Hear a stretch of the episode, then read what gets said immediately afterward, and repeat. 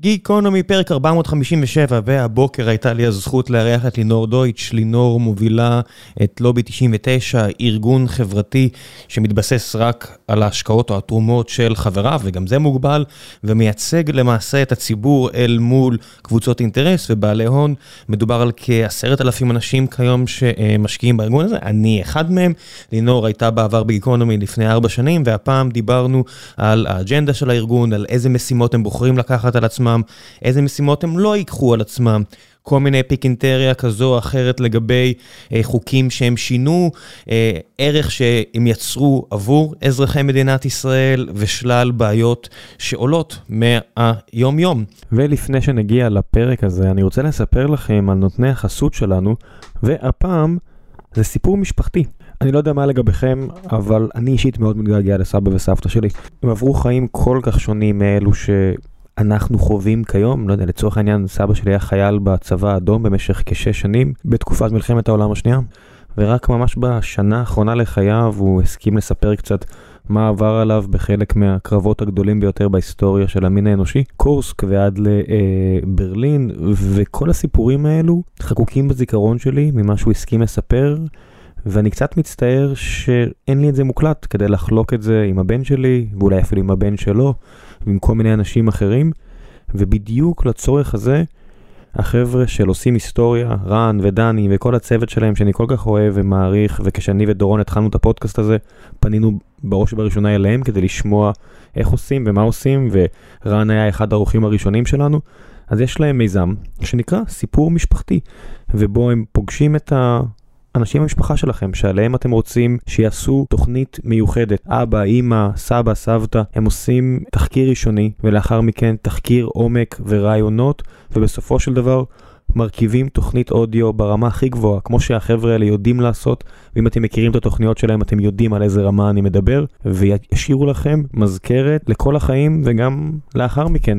פשוט יופי של מתנה ויופי של טובה שתעשו לעצמכם ולדורות הבאים. אני אשאיר לכם את הפרטים של המיזם האדיר הזה בדף הפרק. כנסו, תסתכלו, תראו אם מתאים לכם, תבקשו להשאיר פרטים, דברו איתם, תגידו שהגעתם דרך גיקונומי שידעו שפרסום בפודקאסטים עובד, למרות שיש לי הרגשה שהם כבר די סגורים על זה. וזהו, עכשיו לגיקונומי, מקווה שתהנו.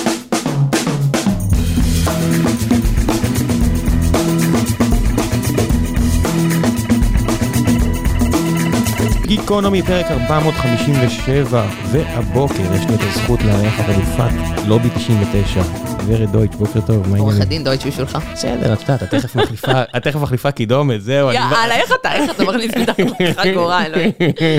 רוע לב טוב. בוקר טוב. בוקר אור, מה שלומך? עברו כבר לא מעט שנים, נכון. ולמרות שאני אה, משקיע נלהב בארגון שלכם, אה, תספרי לי בכל זאת מה זה לובי 99 לטובת אלו שלא. אז ככה, לובי 99 הוא בעצם אה, הלובי הציבורי הראשון. אנחנו, מה שאנחנו, הקמנו אותו ב-2015 במטרה לתת קונטרה ללוביסטים המסחריים בכנסת ובממשלה. בעצם המטרה היא לתת קול ולשים את הציבור בשולחן מקבלי ההחלטות, כי כל בעצם בעלי ההון, תאגידים גדולים, קבוצות אינטרס, בעצם סוחרות לוביסטים כדי להשפיע על רגולציה, בין אם זה לעצור רגולציה פוגענית, בין אם זה לקדם רגולציה לטובתם, רגולציה זה חקיקה, תקנות וכדומה, כאילו החלטות של ממשלה בעצם על המשק. ופעם אחר פעם הציבור נדפק. כי הקול שלו, של האזרח הקטן, לא מספיק מיוצג, והוא, אתה יודע, אין לו פנים, וקל מאוד לחייב אותו, מה שנקרא. ואנחנו החלטנו לתת, להקים, אמרנו, מה אם יהיה אותו דבר, יהיו לוביסטים שיעשו אותו דבר, לטובת הציבור הרחב, שאין לו, לו פנים ואין לו שם בהקשר הזה. והחלטנו למטרה הזו לעשות שני דברים, אחד להתמקד אך ורק בכלכלי חברתי, למה? כי בעצם יש שתי מורסות בחברה הישראלית, אחד זה הנושא של דת ומדינה והשני הנושא של ביטחון, שסביבם אתה שם שלושה ישראלים בחדר, יהיו לך ארבעה הרוגים, כי גם ירצחו אמא של אחת מהם, אין הסכמות, יש שסעים מאוד קשים. לעומת זאת, בתחום הכלכלי-חברתי, 90% מהישראלים מסכימים על 90% מהדברים, ועדיין לא משתפים פעולה בגלל המחלוקות הכאילו גבוהות יותר במרכאות של, של ביטחון או ביטחון דת ומדינה, ולכן הוצאנו את זה מהמשוואה, וכך אנחנו יכולים לעבוד עם כולם, זה דבר ראשון. דבר שני שהגדרנו, זה בעצם כדי שאנחנו נוכל לעשות את העבודה האמיתית, ולהילחם במוקדי הכוח האמיתיים, שזה... באמת, אנשים מאוד עשירים, מאוד חזקים, הם מוקדי, כאילו, תשובה, עידן עופר, בנק הפועלי, כאילו מיליון באמת, אנשים, כאילו, גופים עם המון המון כוח והרבה מאוד עוצמה, אנחנו צריכים לא להיות תלויים כלכלית באף תורם גדול באף גוף כזה, ולכן עשינו משהו שהיה חלוצי לשעתו, ואמרנו, אנחנו נהיה במימון המונים קבוע. מה זה אומר? זה אומר שאנחנו קראנו, קוראים לאנשים להצטרף אלינו בכל סכום לבחירתם, העיקר שהוא יהיה קבוע, מעדיפים שתיתנו לנו 50 שקלים בחודש ולא 50 אלף שקל חד פעמי, כי זה מאפשר לנו לבנות תקציב, להסתמך על הכסף. אנחנו היינו הראשונים בעצם אה, לעשות את זה, בעקבותינו כמה גופים אה, רבים נוספים. אה, וכשהתחלנו זה היה באמת כאילו מטורף, כאילו מי זה, והנה הצלחנו, בעצם כל אדם שהצטרף, חבר, הפך להיות חבר לובי, אתה אומר תומך, אתה בעצם אתה חבר לובי, מה זה? לא, תומך, אמרתי משקיע. משקיע, נכון, אז אמרת, המשמעות שלך, אתה חבר לובי, זה אומר שאתה נותן כסף, ואתה גם מקבל תמורה במובן הזה, שאתה זוכה להציע ולהשפיע על הנושאים שבהם אנחנו עוסקים, אנחנו עושים הצבעות תקופתיות, על הנושאים שבהם אנחנו עוסקים, חברי הלובי מציעים את הנושאים, חברי הלובי מצביעים על הנושאים, חברי הלובי מאשרים את התקציב, התקציב שלנו שהוא שקוף לחלוטין, אצלנו לא צריך ללכת לגיידסטאר ולהבין דוחות כספיים, אתה יכול להיכנס לאתר לובי 99, ללכת לרובריקה של התקציב, לראות כמה אני מרוויחה, כמה הסמנכ"לית מרוויחה, כמה כסף אנחנו מוצאים על קידום, כמה כסף אנחנו משלמים במשרד, הכל בשקיפות מקסימלית ומאושר כל שנה על ידי חברי הלובי. אה, ובמובן הזה אנחנו, אני קוראת לזה Democracy 2.0, אנחנו כאילו הדור הבא של דמוקרטיה, במובן של המעורבות וה, וה, וקבלת ההחלטות על ידי בעצם אה, צבר אה, חברי הלובי. יש דברים שלא תייצגי אותם? זאת אומרת, בוודאי. בסופו של דבר יש כל מיני מחלוקות שאני יכול, בחברה הישראלית, שאני יכול לחשוב עליהן. שאני מבין למה זה דיון, אני פשוט, בגלל שהדעה שלי במקום כלשהו, אני לא רוצה... אז אני אסביר, אז קודם כל אנחנו מאוד משתדלים, אנחנו קוראים לעצמנו, הלובי 99 זה ה-99%, אוקיי? זה כאילו יש, אה, בעצם, אה, יש מחקרים של הבנק הבינלאומי שמראים ש-1% אה, מה... מהאוכלוסייה, מאוכלוסיית העולם מחזיקה יותר כסף משאר ה-99% של אוכלוסיית העולם. כן, בערך 36% מההון העולמי זה ב... נכון. אז בקיצור, אנחנו, we are 90, כאילו 99% במובן הזה שאנחנו משתדלים גם לעסוק רק בנושא שהם מקרו, שנוגעים לכלל האוכלוסייה. אנחנו לא עוסקים בדברים שהם NIMBY, not in my backyard, אנחנו לא עוסקים בבעיות אזוריות, כאילו נקודתיות, אנחנו לא עוסקים בנישות במרכאות, זה לא נישה, אבל זה, זה חשוב מאוד, גם נכים, גם אתיופים, גם כל, ה, כל אה, אה, הסוגיות הספציפיות, אנחנו לא עוסקים, אנחנו עוסקים בדברים שהם רוחביים על כלל האוכלוסייה, כלכליים, פיננסיים ברובם, אה, שנוגעים לכולם, בין אם זה פנסיות, ביטוח, אה, אה, בנקים, תחבורה ציבורית, הון שלטון, שחיתויות, דברים שהם באמת חוצי... כאילו כמה שיותר רחבים וחוצים, וכן יהיו נושאים, תמיד בסוף חברי הלובי מציעים מיליון דברים, ואנחנו כן בסוף, יש קריטריונים מאוד ברורים שכתובים גם, שעושים את ההחלטה, כתובים גם באתר, אבל אנחנו בסוף... מקבלים גם החלטה, חלק מהקריטריונים זה שיש לזה סיכוי פוליטי, יש לזה התכנות פוליטית במצב הנוכחי. למה? כי אנחנו ארגון פרגמטי. מה זאת אומרת? הרבה מאוד ארגוני חברה אזרחית, מאוד אידיאולוגיים, אוקיי? אה, אבל עם אידיאולוגיה לא קונים במכולת. אנחנו באנו לייצר שינוי בפועל, הגדרנו את זה מההתחלה. פרגמטיות, זה אומר שאנחנו נעדיף תמיד ציפור ביד ולא שתיים על העץ. אני מעדיפה חוק חצי טוב שעבר, על פני חוק מושלם שנשאר באופוזיציה. אז אם מדברים על מכולת, יש סיכוי, אה, זאת אומרת, מבחינתך זה ריאלי להוריד מחירים במכולת? אני לא מדבר עכשיו ברמה פופוליסטית, אפשר לפרק הרבה מהסיבות שמוצרים במכולת יקרים יותר, והחבר'ה למשל של גוד פארם הולכים להגיע בקרוב לספר אה, כמה קשיים הם חווים בשביל אה, להוריד דברים למשל ברשתות הפארמה, אבל מסתכל על המכולת למשל, ובסופו של דבר יש כמה אלפי חקלאים במדינה. זה, הם מייצגים אחוז זעיר מהמדינה וזה ככה המון המון המון שנים, הלובי שלהם מאוד חזק. אה, הם מנסים לקחת את הדיון למקום ערכי אידיאולוגי, ולשים הרבה מלח, בעיניי לפחות, בעיניים של אנשים, וזה טיעון שהוא, זה דיון שהוא סופר אה, סוער, וזה בסוף גם חיים של אנשים. נכון. האם זה בכלל פרגמטי או אפשרי בכלל לדבר על הנושאים האלה של אה, יבוא? אז התשובה היא כן חלקית, מה זאת אומרת? אנחנו כן עוסקים בנושא המונופולים של היבוא. אנחנו כן עוסקים בנושא, בנושא המונופולים של היבוא, אה, אנחנו לא עוסקים ברפורמה בחקלאות, בדיוק מהסיבות שאתה אה, מנית, על חוסר הקונצנזוס והמורכבות של, של, של, של הדברים שם, אין יכולת לנהל איזה דיון שהוא, אה, נקרא לזה... נטו כלכלי, יש פה שם, יש שם, אה, אה, אה, נקרא לזה נושאים נוספים, ולכן אנחנו כן עוסקים בהורדת חסמי יבוא, בפתיחת השוק לתחרות, בהורדת המחירים במכולת. מלבד הרפורמה, בוא נגיד ככה, מלבד פירות וירקות, יש פה עוד שלל דברים, שלל מוצרים במכולת, שזה כל מוצרי המזון, טואלטיקה, כאילו כל מה שאתה אוכל בעצם, ובזה אנחנו מתעסקים מאוד. ברפורמה, בחקלאות ספציפית, אנחנו לא נוגעים, בגלל הסיבות האלה שבעצם חברי הלובי לא בחרו, זה נושא שאינו בקונצנזוס, חברי הלובי לא בחרו אותו. אז אנחנו כן מאוד מאוד מתעסקים, אם יצא לך בטח אה, לדעת, אה, לשמוע ולראות את מרד הפסטה. אה, לא כולם, רבים לא יודעים, אבל מרד הפסטה בעצם, זה יוז, מחאת הפסטה הוא יוזמה שלנו. אנחנו בעצם הרמנו אותה, פנינו ללרר עם הדבר הזה, כי היינו צריכים, ברגע שראינו שהחברות העלו, בעצם הולכות לעלות מחירים, הוציאו הודעות לספקים, שהחברות מעלות מחירים, ואנחנו ישבנו על כל הנתונים וכל הדוחות שכן היו חשופים, כי יש המון דוחות שהן חברות פרטיות והן לא חשופות, אבל אתה יכול להסיק דברים ממשהו ממשהו, למשל, למשל שאתה יכול להסיק מזה שאוסם היא אמנם חברה פרטית, אבל נסטלה שמחזיקה אותה בדוחות הכספיים, בעצם פרגנה. ב-2021 פרגנה לישראל כאחת המדינות הרווחיות ביותר, ב top 5 של הרווחיות של העולם, אוקיי? הן פעילות בכל עם ישראל, הכי, כאילו, אחת מה top 5 של הרווחיות, סתם כדוגמה. אז אתה יכול להסיק מזה שכאילו אין להם באמת, כאילו, סיבה אמיתית פה, שכמו שכשהמחירים, שמחירי התשומות לכאורה, יורדים, הם לא מורידים לנו את המחירים, אבל כשכאילו לכאורה עולים, כן ישר מגלגלים על הצרכנים. אני לא... נורא קשה, כן, לקיים את הדיונים האלה, כי יש המון פרטים קטנים, זאת אומרת, בסוף הכוח של לוביסטים, או נקרא לזה שלטון אריסטוקרטי, לא דמוקרטי, שיש אנשים שאשכרה מבינים והם מייצגים אותי בתקווה, זה בעייתי, כי למשל, אני מסתכלת על מחירי דירות למשל, ואומרים לך, נורא יקר, ומדד תשומות הבנייה, והכל עולה. ואז אומרת, אוקיי, מדד תשומות הבנייה זה מייצג מה, חמישה אחוז מההוצאה ההונית שלך? רוב שאר הכסף זה ההוצאת, זה המימון, זה, זה הקרקעות, זה הרווח שאתה צריך ליצור לעצמך או לעצמך כקבלנית או כיזמת, ואת אומרת, וואו, כמה דיסאינפורמציה ו... וחול, כל כך הרבה חול אז, ורעש. אז תראה, בנושאים שאנחנו מתעסקים בהם, אנחנו, אנחנו בפרטים, אוקיי? אתה ספציפית, אתה עכשיו מדבר איתי, אבל יש לי, אנחנו... כשהלובי התחיל, באמת אני הייתי הלוביסט הציבורית הראשונה, ובאמת היינו ארגון קטן, ואת השנה הראשונה סיימנו עם 800 חברים משלמים, את השנה השנייה סיימנו עם 2,000 חברים משלמים, את השנה השלישית כבר עם 4,000, והיום אנחנו שש וחצי שנים כבר עם, עם 9,400 חברים משלמים, השתתפות הממוצעת היא 37 שקלים בחודש, יש לנו סטודנטים ומכיניסטים בחמישה ועשרה שקלים לחודש, וטייקונים במרכאות ב-200 שקלים לחודש, איש איש כפי יכולתו, כשיש כל אחד בקוף לכל אחד בכף. ובעצם כתוצאה מכך אנחנו הצלחנו בעצם, כל, כל, ככל שגדלנו יכולנו לשכור עוד עורכי דין מצוינים, עוד כלכלנים מצוינים שיעבדו בלובי, והיום אנחנו 14 עובדים, שזה מצד אחד לעמותה זה כאילו מלא, זו עמותה בינוני, בגודל בינוני כבר חזקה.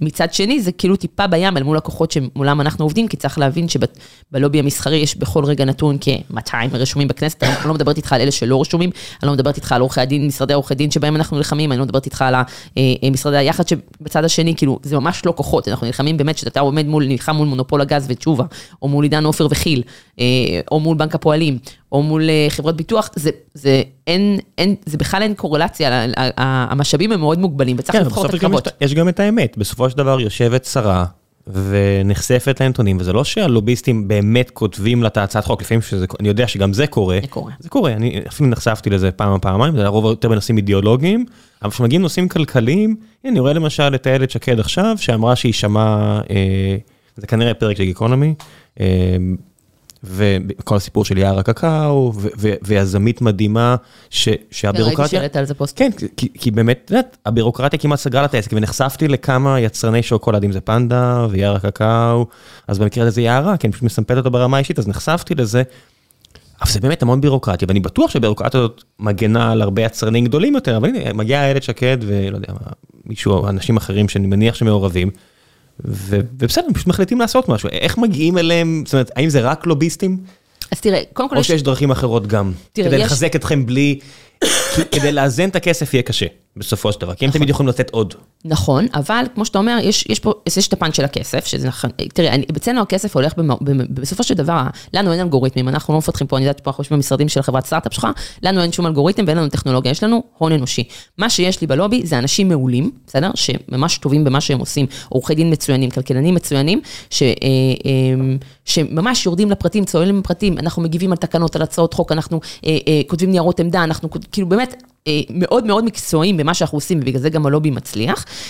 ולכן מה שלי יש זה, זה טעון אנושי, ובמוב... וכן אנחנו, כן אני יכולה לומר שבטווח הזה בעצם בנינו גם רזומה ציבורי, אוקיי? וגם אה, אה, אה, אמינות ו credibility, גם מול השרים, גם מול הח"כים, גם בעצם מול הרגולטורים אה, הפיננסיים השונים, אנחנו עובדים כל הזמן מול רשות שוק ההון, בנק ישראל, מול רשות ניירות ערך, מול... אה, אה, אה, רשות התחרות, ממש עכשיו אתה, נראה לי, ראית ב live, כאילו, אנחנו בקשר מתמיד, כאילו, עם, אה, עם כל הרגולטורים. כן, לפני הפרק. כן, ממש לא, לפני לא, הפרק. לא אתן פרטים, אבל נחשפתי. כן, ממש לפני הפרק ראית טלפון שקיבלתי, אנחנו באמת, אה, כאילו, באמת אנחנו בקשר ממש ישיר עם, עם מקבלי ההחלטות, אה, ולכן אני כן אוכל לומר שיש לנו, יש לנו המון קשב, ולעמדה המקצועית שאנחנו מגישים יש התייחסות, ובמובן הזה, זה נותן קונטרה מאוד משמעותי, כי בגלל שיש לנו את הקרדיבילי המקצועי, ויש לנו את הקשר, אנחנו יכולים לייצר קמפיין, אנחנו יכולים לייצר, בין אם זה ברשתות, בין אם זה בתקשורת, אה, אז יש גם הרתעה. הטיעונים טובים? נגיד, הייתה, לא יודע, מיכל אלפרין, או לא יודע מי כן. מי עכשיו, ברשות למשל הת- התחרות. זאת אומרת שאת שומעת תחרות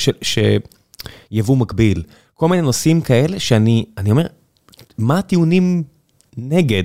זאת אומרת, להוריד רגולציה, מה, מעבר ללעזור לשסטוביץ', או לא יודע למי, מה מה הטיעונים שאת שומעת? אני שומעת, תקשיב, זה, זה קצת נורא מתסכל, זה באמת חלק מתסכל. הרבה מאוד פעמים אתה אומר, נראה, נורא מובהק, דברים שהם כאילו באמת נורא מובהקים. עכשיו, יש מקומות שכאילו אני יכולה להבין, נגיד, אומר, פתאום אומרים לך, אה, לא, זה בעצם, אה, נגיד ביבוא מקביל, תראה, יבוא מקביל לצורך העניין, סתם כי אנחנו, זה משהו שאנחנו נלחמים על, כאילו, יבוא מקביל הוא בסוף משהו נקודתי, הוא קטן, כאילו, זה לא באמת יפתור לך את הבעיה הרוחבית. שום דבר, אין סילבר בולט. נכון, שום דבר לא יפתור לי, מה זה גם. הבעיה? נכון, נכון, צריך הרבה, מאוד יוקר צעדים. מחיה מורכב מהמון המון המון בעיות. אז תראה, אני אתן לך דוגמה, הרפורמה ביבוא שאנחנו ממש נלחמנו לך- שתישאר בחוק ההסדרים, הייתה לנו המנהלת תחום ממשלה שלי, רחל גור, עורכת דין רחל גור, שהיא נלחמה, הייתה שם באמת, אני לא יכולה לתאר, מאות שעות, בסדר? בכנסת, בזה, באמת היה שם מלחמות ענקיות, הצלחנו, הרפורמה אה, נשארה, אה, היא עברה, היה קרב מאוד גדול על מתי תיכנס לפועל, בפועל, מתי תיכנס לתוקף, היא אמורה להתחיל אה, חלקה בראשון ביוני עכשיו, וחלק השני שלה, למשל, חלק שלה...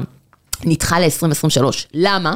כי כאילו זה מוצרים שמשרד הבריאות צריך לאשר, ויכול להיות סכנה בריאותית, שכאילו... אה, ופה אתה באמת אומר, ואז נשאלת השאלה, כאילו, אתה אומר... זה באמת הזיה, את יודעת, לא, לא. מכון התקנים שיושב בו, יושב במכון התקנים נציג של תנובה, ונציג של אה, נשר, ואני אומר, מה, זה לא ברור, כאילו המשחק הזה, אני לא לא יכול אפילו לדברר את המסר הזה, כי זה, אתה צודק, אבל... ה-FDA מאשר, המכון התקנים האירופאי מאשר, מה ישראל הקטנה צריכה לאשר? אבל יש פה, נגיד, לצורך העניין, את פרשת רמדיה, בסדר? ואז אנשים נורא מפחדים עד היום, הטראומה... אבל רמדיה נכנס למרות מכון התקנים. מה? אוקיי, לא, מכון כן. התקנים לא תפס את זה. נכון, אני אומרת, נכון, אבל בגלל שכאילו כל כך מפחדים מהאחריות, אז כאילו אומרים, רגע, אבל צריך לבדוק את זה בריאותית, וצריך, לעז... אנחנו מנסים בעצם להעביר את כל ה... למשל, אנחנו ממש דוחפים לזה שבעצם יעבירו את כל שיטת הבדיקה של היבוא, מהשיטה היום שאת צריך לקבל תקן ישראלי מיוחד לכל דבר, אה, למצב שאם יש לזה אישור של...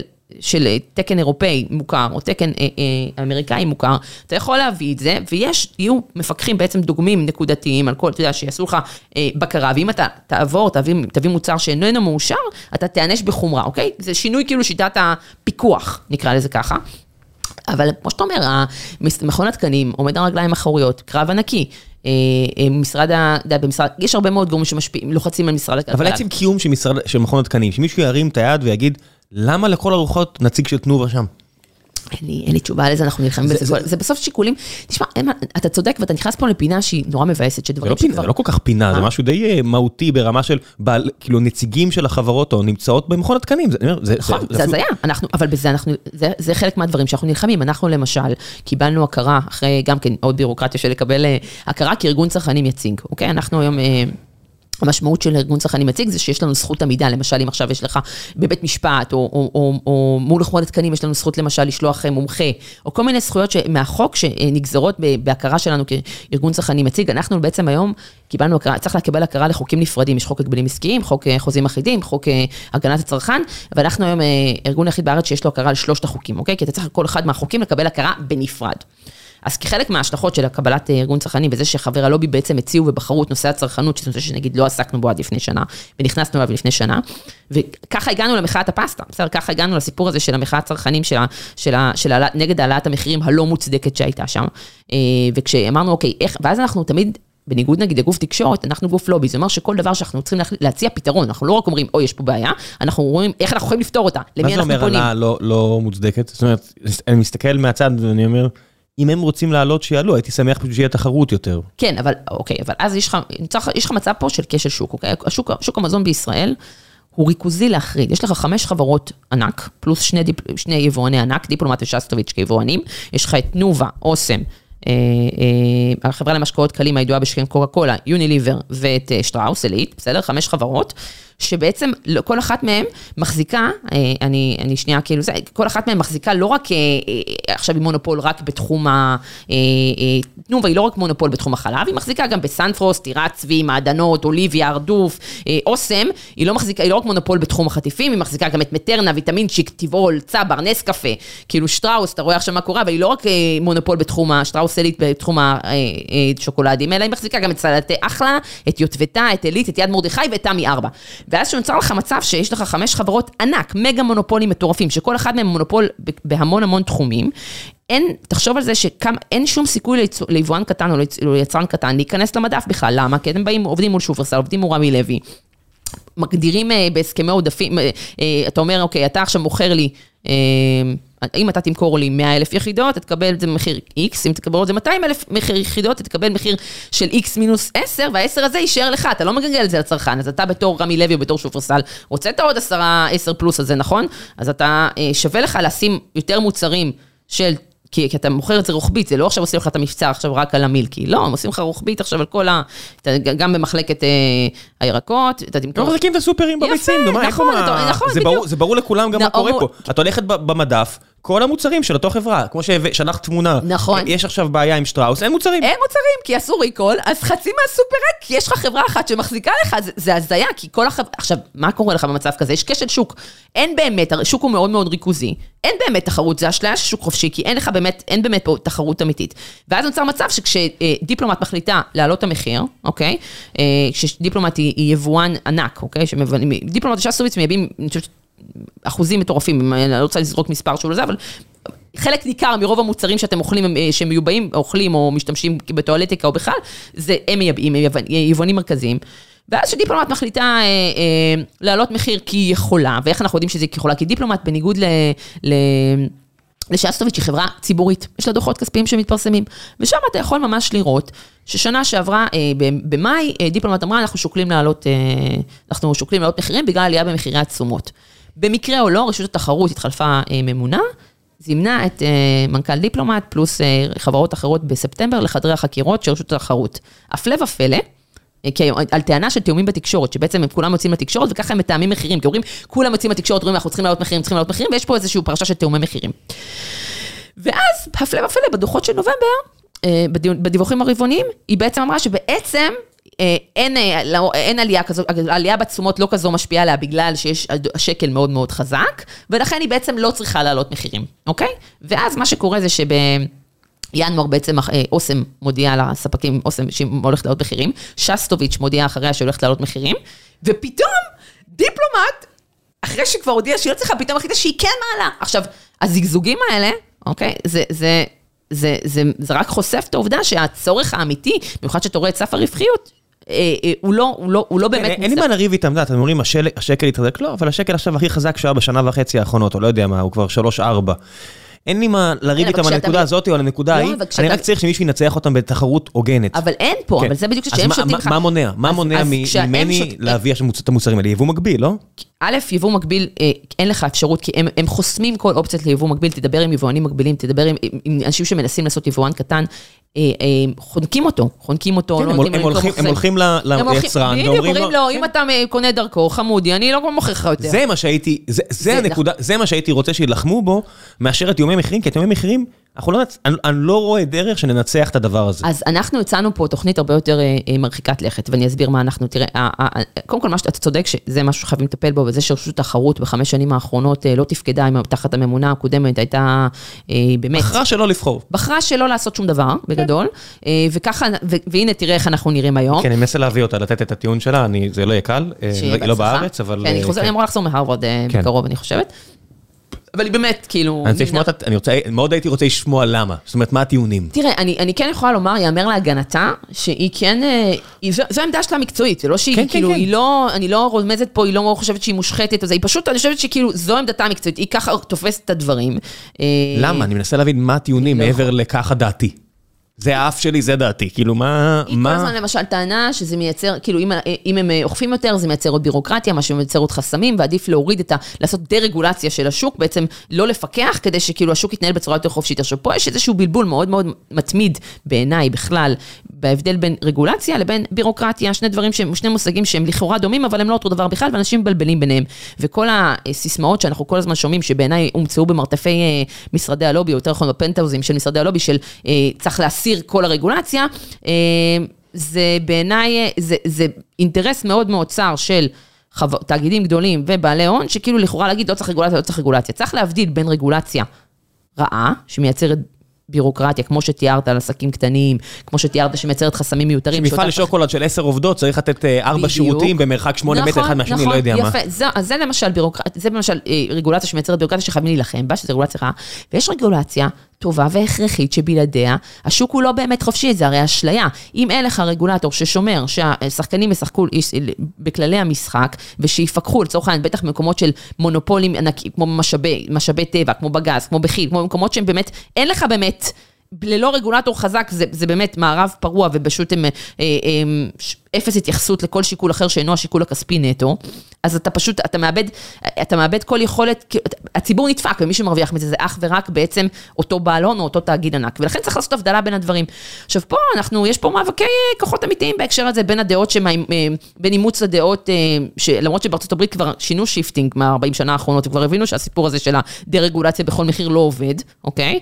עדיין יש מי שנלחם מאוד להכניס את זה. בארץ, ופה אני חושבת שצריך לדעת אה, אה, להבדיל, ואנחנו אה, נלחמים בזה שצריך לדעת להבדיל מהי רגולציה טובה, מהי רגולציה רעה. אה, ובהקשר הזה של ה... אה, אני כל פעם חוזרת למחאת המזון, כי אני רוצה שתבין, כאילו, על פי הדוגמה הזו, להמחיש את זה, כשאנחנו חיפשנו פתרונות למה שאני מתארת לך, שבעצם הם הולכים לעלות מחירים, הם אשכרה כתבו, דיפלומט כתבו בדוחות שלהם, סימנו בסיכוי למחאת צרכנים, מסומן כנמוך מאוד, סיכוי לשינויים רגולטוריים, מסומן כנמוך מאוד. אשכרה זה כתוב בדוחות הכספיים. ואמרנו, אוקיי, מה אנחנו יכולים לעשות כדי לעצור את העלאת מחירים הזו? כי הבנו שברגע שהם מעלים, כולם יעלו אחריהם. זה היה כאילו, אתה יודע, זה היה האקדח הנורא, האקדח שיורה, ואחריהם כל החברות יעלו. וגם ככה יוקר המחיה בישראל הוא מטורף, וישראל גם ככה יקרה יותר, כי בין, בין, בין 30 ל-50 אחוז במחירי המזון שלה מאירופה, ממדינות ה-OECD, אז זה גם ככה לא, אה, לא הגיוני. וחיפשנו מה, ולא היה פתרון מיידי, אין פתרון מיידי מבחינת רגולטורית, והפתרון המיידי היחיד שאמרנו שאפשר לעשות זה מחאת צרכנים, לצאת לאיזשהו מחאת צרכנים, שזה בדרך כלל, אני חייבת לומר לך, אני בדרך כלל תמיד, אנחנו מחפשים בדרך כלל את הפתרונות של המקרו, ולא המקום של להטיל את האחריות על האזרח, אוקיי? אנחנו, תפקיד מבחינתנו של רגולטור הוא לדאוג לאזרח שהוא לא יצטרך להפיל עליו, אבל פה באמת לא מצאנו פתרון בטווח קצר. ולכן אמרנו שני דברים, מהלך שהוא דו-ראשי. אחד, טווח קצר, מחאת צרכנים. אה, שבעצם החברות יקבלו קצת, אה, ייזכרו אחרי עשר שנים שלא הייתה פה שום מחאה, אה, ייזכרו שיש פה כוח צרכני שמוכן להגיב. ובטווח ארוך חייבים להליך פה מהלך מרוכז של הממשלה לבזר את הריכוזיות בשוק המזון. ניסו, הרי היה ועדת קדמי, הייתה ועדת לנג, היה חוק המזון, אם אתה יודע, ברפורמת הקורנפלקס ב-2014, שנכשלה כישלון חרוץ, כי רשות התחרות לא אכפה אותה, לא אכפה את החוק בעצם. ואנחנו אמרנו, צריך משהו שהוא יותר מהפכני, צריך משהו שהוא יותר אה, מרחיק לכת, יותר שינוי מבני ולא אכיפה התנהגותית, אוקיי? אנחנו אומרים שצריך, אנחנו ממש הלכנו לטווח, שאנחנו חושבים שצריך... לבזר את המגה מונופולים, מה זה אומר? זה אומר שאם תנובה היא מונופול עכשיו, הסברתי, כאילו, את יודעת, כל כך, היא שולטת על כל כך הרבה מונופולים אה, בתחומים אחרים, צריך להגביל אותה, להגיד, אוקיי, את מונופול בתחום החלב, את לא יכולה להיות מונופול גם להחזיק בסנפרוסט, שהוא מונופול של 70% בתחום הירקות הקפואים. תבחרי, את רוצה תמכרי, עכשיו עשו את זה, יש תקדימים בישראל, רפורמת שטרום מכרו אה, אה, כרטיס, הבנקים. הפרדת אשראי מהבנקים. בדיוק, הפרדת אשראי מהבנקים, בחוק הריכוזיות חייבו בעצם פירמידות להתפרק, אז יש את זה תקדימים בשוק הישראלי, שהוא שוק גם ככה שסובל והשמיים לא נפלו. והשמיים לא נפלו, ואנחנו ממש חושבים שצריך, וממש אנחנו לוחצים, לחצנו מאוד על הממשלה, בעצם על האוצר, שיקימו צוות, בואו תבחנו מה אפשר זה, וכדי לבזר פה, כדי שתיווצר תחרות, כי מה קורה? כל עוד יש לך מונופולים כל כך גדולים, הכל מתיישר סביבם, וההוכחה לזה הייתה אחרי המחאה, שסטוביץ' פנו אלינו, שסטוביץ' זה אחד משני היבואנים הגדולים, חוץ מדיפלומט, והם פנו אלינו בעקבות המחאה וביקשו להיפגש איתנו, להסביר את הצד שלהם. אנחנו אף פעם לא מסרבים לפגישה, כל עוד היא שקופה, כמובן מדווחים עליה לחברים, הכל בגלוי, ונפגשנו איתם. ואני חייבת לומר שבפגישה ובדברים שהם אמרו, הם פשוט אה, הודו, כאילו, אה, הם אשכרה אמרו לנו, אומרים, תראו, אני, אמר, אמרנו להם, למה את הפסטה הזאת, אתה קונה אותה ב-50 סנט, ואתה מוכר אותה ביורו, בזה, למה פה אתה מוכר אותה ב-7.90? ואז הוא אומר, המחיר, ב, אה, כאילו, אם, אם המחיר בישראל, לצורך העניין, המחיר של הפסטה, סליחה, ב-5.90, כי המחיר של הפסטה של, של, של אוסם פה, שהיא הפסטה הנמכרת ביותר, 45% מהשוק, נמכרת ב-5.90, אז אני יודע שאני יכול למכור בקצת פחות, ב-4.90, ועדיין, אני, אני הזול, ואני, מש, כאילו, מה שאני רוצה לומר זה שהם מתאימים את עצמם למחיר של המונופול, וכל עוד, עוד יש לך מצב שיש לך מונופול שיכול לקבוע איזה מחיר שהוא רוצה ללא קשר לעלויות, אז תמיד המחיר יישמר עם, עם שוך כלפי מעלה, אתה מבין מה אני אומרת? בוודאי. אז, אז אם אתה לא... הם ממקסימים את הערך שלהם. בדיוק. אין לי מה לשמוע, אין לי מה לשמוע אותם מעבר ל- We want to make money. אנחנו רוצים בדיוק, עוד חלקה בדיוק. בקיסריה. נכון. הכל בסדר, אני מבין את זה. נכון. זה לא מעניין אותי. בדיוק, אנחנו, ולכן אתה, אבל כן התפקיד של הרגולטור לדאוג שיהיה פה אה, מספיק שחקנים שיתחרו, וכאילו, במובן הזה, זה, זה, זה חובה, ו- ועובדה שעד עכשיו, עובדה שכל מה שהיה לא עזר, ולכן אנחנו באמת הלכנו לפתרון שהוא לכאורה יותר אה, רדיקלי, של פינוי, בעצם של ביזור מונופולים, של כאילו שינוי מבני. עכשיו, באמת המחאה עשתה שני דברים. אחד, זה היה מדהים לראות. איך, אגב, אם, פעם מחאה לפני עשר שנים היינו צריך לצאת 500 אלף איש לרחוב, פה תוך, אה, הע- העידן הווירטואלי, באמת, תוך ארבעה ימים, זה היה באמת פסיכי, כאילו, תוך, מתוך, אנחנו גייסנו את הצינור, אוקיי? למה גייסנו את הצינור, ולמה, פה הנה דוגמה קלאסית לעבודה שלנו, שהרבה פעמים אנחנו כאילו מוותרים על קרדיט כדי שמהלך יצליח. זה קורה גם עם ח"כים, זה קורה גם עם שרים, אה, שתמיד, קודם כל, מי שמוביל אותו צריך להיות בפרונט. ובהקשר הזה, ידענו שבשביל מחאת צרכנים אתה חייב מלא אנשים. אתה חייב מלא אנשים, ועם כל הכבוד ללובי ול... אה, אתה יודע, 50 אלף עוקבים שיש לו בפייסבוק ועשרות אלפים חברים, זה טיפה בים. לעומת מה שאתה נדרש כדי שמיליונים לא יקנו. ואמרנו, אוקיי, מי הבן אדם הכי חזק, העמוד הכי חזק ברשת, שיש לו גם כוח תקשורתי, גיא לרר, אה, שהוא גם חבר. אה, ופנינו אליו עם ה... עם הס- פניתי אליו עם הסיפור הזה. לקח לרר שלושה שבועות להשתכנע, כן, חשוב להגיד. אה, וזה שהוא לקח את זה בסוף, בעיניי, זה אני מורידה בפניו את הכובע, כי הוא טלוויזיה מסחרית, בסדר? זה, זה לא מובן מאליו, שהוא יוצא נגד מפרסמים גדולים, תחשוב על זה, אוסם.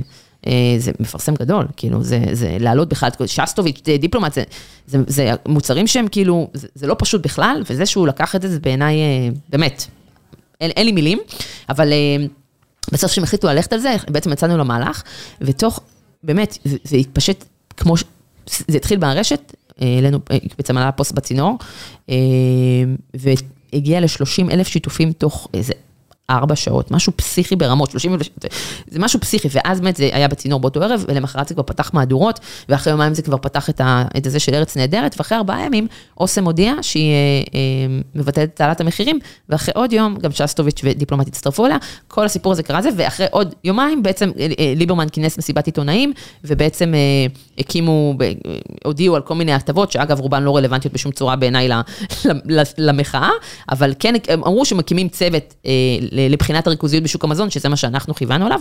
מאז שזה קרה, אנחנו עובדים מול הצוות הזה נונסטופ כדי לנסות להביא, שיביא למסקנות משמעותיות ולא רק... אה, ולא רק אה, קוסמטיות, אה, החל מחשיפת דוחות כספיים של מונופולים, כדי שיהיה אפשר לדעת מה רווחיות אמיתית, המשך בפתיחת, באמת פתיחה הרבה יותר מסיבית ליבוא, וכלה באמת בשינוי מבני משמעותי של ביזור, כאילו, של להכריח בעצם את המונופולים למכור חלק מהחברות ש... שבבעלותן, חשוב להגיד שאנחנו לא מציעים פה, בהגבלים עסקיים זה מונח, אה, אני לא, לא אכנס פה למונחים מקצועיים, אבל אנחנו לא, נגיד, אומרים לתנובה עכשיו, לפרק אותך לחצי. לא. אנחנו אומרים, יש לך חברת בת, שהיא מונופול, את חייבת למכור אותה. בסדר? כן. יש דיונים נגיד שנכנסת אליהם, שבאת עם דעה מוצקה, ואמרת, אוקיי, עכשיו שנחשפתי לנתונים, אני מבינה שאולי זה מסובך יותר, או מורכב יותר, או את מבינה ששכנעו אותך שיקולים, נגיד, כשאני מסתכל נגיד על המלט, אז יש את הטיעון של אה, נשר וכל החבר'ה האלה, חייבים מפעל של מלט בארץ, כי מה יקרה אם? ו- ולא נעים לי להגיד, אבל מה יקרה אם אני יותר ויותר מבין ורואה שאם העולם ירצה להעניש אותנו, לא יודע מה, עכשיו שוב מבצע בעזה, ושוב נגיב, ושוב יהפכו, אם יהפכו אותנו עכשיו לכזה רוסיה, ש- שום מלט לא יעזור לי. זה, זה, זה, זה כמו, זה, זה כן, זה שואה אטומית מעל ראשנו כמשק קטן, וכמו כל משק בעולם, ושום מלט לא משנה לי פה את התמונה הזו. שום מלט לא אתה יעזור יכול לי. להגיד אותו דבר גם על המוצרים לא החקלאיים, כאילו בדיוק, אותו אני, דבר. אני אומר נכון, את זה על כן, הכל. נכון, אין נכון. שום דבר שישנה את המשוואה, הדיון הזה של אם יחרימו אותנו, it's game over. אין פה, אני לא מבין מה הדיון בכלל. אני, אז אנחנו, תשמע, אני כן, קודם כל אני תמיד חשוב להגיד, כל נושא שאני עוסקת בו, כל שאת אומרת דעות מוצקות, אני, בעיניי רק חמור לא משנה דעתו. כן, מה אני אומר לעצמי, נגיד זה למשל משהו שאני לא מצליח להשתכנע ואני מנסה. אני לא, מנסה שיראו אז לי את ה... אני תמיד, תמיד כשאנחנו ניגשים לנושא, גם אם יש לי נגיד, יודע, תמיד, רוב האנשים יש להם איזושהי דעה אינטואיטיבית, או שאתה נמשך למשהו, אבל כאילו אנחנו, אני מאוד מאוד מקפידה, אתה יודע, אה, פה אני לא יכולה, בגלל שזה פודקאסט, אבל כאילו, תחשוב שאני מכניסה עכשיו את האצבע לפה ושמה אותה ברוח, כאילו אני לא, זה לא, אנחנו לא פועלים ככה, אנחנו, אני כל דבר, כל נושא, אנחנו קודם כל לומדים אותו לעומק, באמת, ב- בודקים את כל הזה, אה, אה, כלכלית, נתונים, דאטה, אין דבר כזה שנצא משהו בלי דאטה מעמיק, ותמיד אני מוכנה שישנו דעתי, תמיד, ולכן אני גם תמיד מסכימה לפגישות, לצורך העניין, עם, עם הצד השני, מי שינה דעתך. מה, אז שנייה. אני, אה, אני, א', הרבה פעמים מחכה לגבש דעה, למשל, אני אתן לך דוגמה, הנה, האחרונה, ממש מהזמן האחרון. אה, מקס, אה, מקס, כלל הודיעה שהיא הולכת, כלל ביטוח, אוקיי? הודיעה על כוונה לקנות את, את מקס, נכון? שהיא חברת כרטיסי אשראי. עכשיו, אנחנו עסקנו המון ברפורמת שטרום, ברפורמה הבנקאות שהפרידה בעצם את מקס, שהייתה לאומי קארד, הפרידה אותה מלאומי. ו... ואנחנו, אתה יודע, קיבלנו את ההודעה הזאת, ש... ופה זה כאילו נושא מורכב, ואני אסביר למה. מצד אחד, אתה אומר, רגע, גוף מוסדי, שמנהל 300 מיליארד שקל של כספי ציבור, שגם ככה הוא סופר ריכוזי, אוקיי? יש המון בעיות, יש לך חמש, חמש, חמישה גופים מוסדיים בישראל, סופר ריכוזיים, המון המון כוח, שהולך לקנות עכשיו חברת כרטיסי אשראי, שכאילו, אתה יודע, זה, זה, זה הגברת ריכוזיות מצד אחד, מצד, פן אחד שאנחנו מתעסקים, או מצד שני, יש פה גם פלוסים מאוד גדולים. אחד, זה הולך לעצור את ההשתלטות של אלפרד אקירוב, טייקון הנדל"ן על כלל. לא יודעת כמה המאזינים שלך מודעים, זו מלחמה שאנחנו מנהלים אותה כבר אה, כמעט שנה. אלפרד אקירוב, טייקון הנדל"ן, הנדל"ן חובב ההון שלטון, שגם אה, מגדיר את עצמו ככה, זה לא שאני קראתי לעצמו ככה, ככה הוא קרא לעצמו. אה, הוא לא מתבייש בזה, אומר בכלל, מה זה בכלל הון שלטון. והוא עכשיו החליט, הוא בן 80, והוא החליט לסדר אה, עבודה לג'ורג'י בנו, אה, והוא החליט שהוא אה, קונה את כלל ביטוח. עכשיו, כלל, מה זה לקנות את כלל ביטוח? כלל ביטוח היא חברת שמנהלת 300 מיליארד שקל של כספי הפצת של הציבור, והיא חברה ללא גרעין שליטה. זאת אומרת שאין לה בעל שליטה, ויש שם מגבלות כמה כל אחד יכול להחזיק.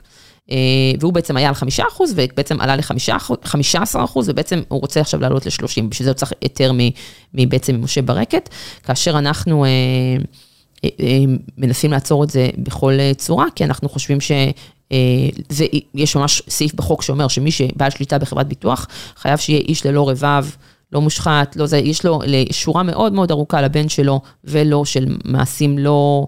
הולמים, לא נאותים, גם אם אין פסק דין סופי, יש שם, שם איזה סיפור מאוד גדול עם חברת לוקה, שכאילו הבית משפט לא נתן פסק דין, משכו את זה בסוף, אבל יש כאילו באמת... זאת אומרת, הטיעון פה זה האם אנחנו לא אוהבים אותו כי הוא, יש לו נטייה להתרועע עם אה, מחוקקים, או העובדה שיש בעברו אה, בעיות חוקיות? יש בעברו בעיות שלל בעיות, אוקיי? שלל, שלל בעיות, זה לא, זה בן אדם שאתה לא היית רוצה שישלוט לך בכספי הפנסיה. אגב, אנחנו רואים מה קרה עם אה, שלמה אליהו, ששולט במגדל, ונתנו לו את ההיתר הזה, הרי עודד שריג, המפקח על הביטוח לשעבר, אה, נתן לו את ההיתר אה, לקבל, שלמה אליהו ניסה, ניסה להשתתף על בנק לאומי, לא הצליח, כי המפקח על הבנקים לא נתן לו, והוא הלך בעצם לקנות את מגדל, עכשיו צריך להבין מה זה לקנות, מה זה להשתלט, זה אומר שעם שלושה מיליארד שקל שהוא מביא בהלוואות ומינופים, הוא משתלט על 300 מיליארד מכספי הפנסיות של הציבור. עכשיו, למה זה כל כך משמעותי? כן, רק, אני רק רוצה אבל, כן. כן להגיד, זה לא שזה באמת, יש לו עכשיו כוח לעשות מה שהוא רוצה עם ה-300 מיליארד שקלים האלה, בסופו של דבר, אה, רובם המוחלט מושקע באג"חים, כן, במניות. כן, אבל חשוב להגיד, ראם, שזה... זה, זה, כן. בוא רק נסכים שזה לא, לא ה... כן, ש... אבל... כן, אבל, כן, אבל אני מקבל, כן, אבל... אבל כן. כן, אבל, זה נכון שלכאורה זה, אבל יש, לכאורה, מי שמקבל את ההחלטות זה ועדת ההשקעות, אוקיי? מי כן. שממנה, ועדת ההשקעות אמורה לקבל החלטות נקיות,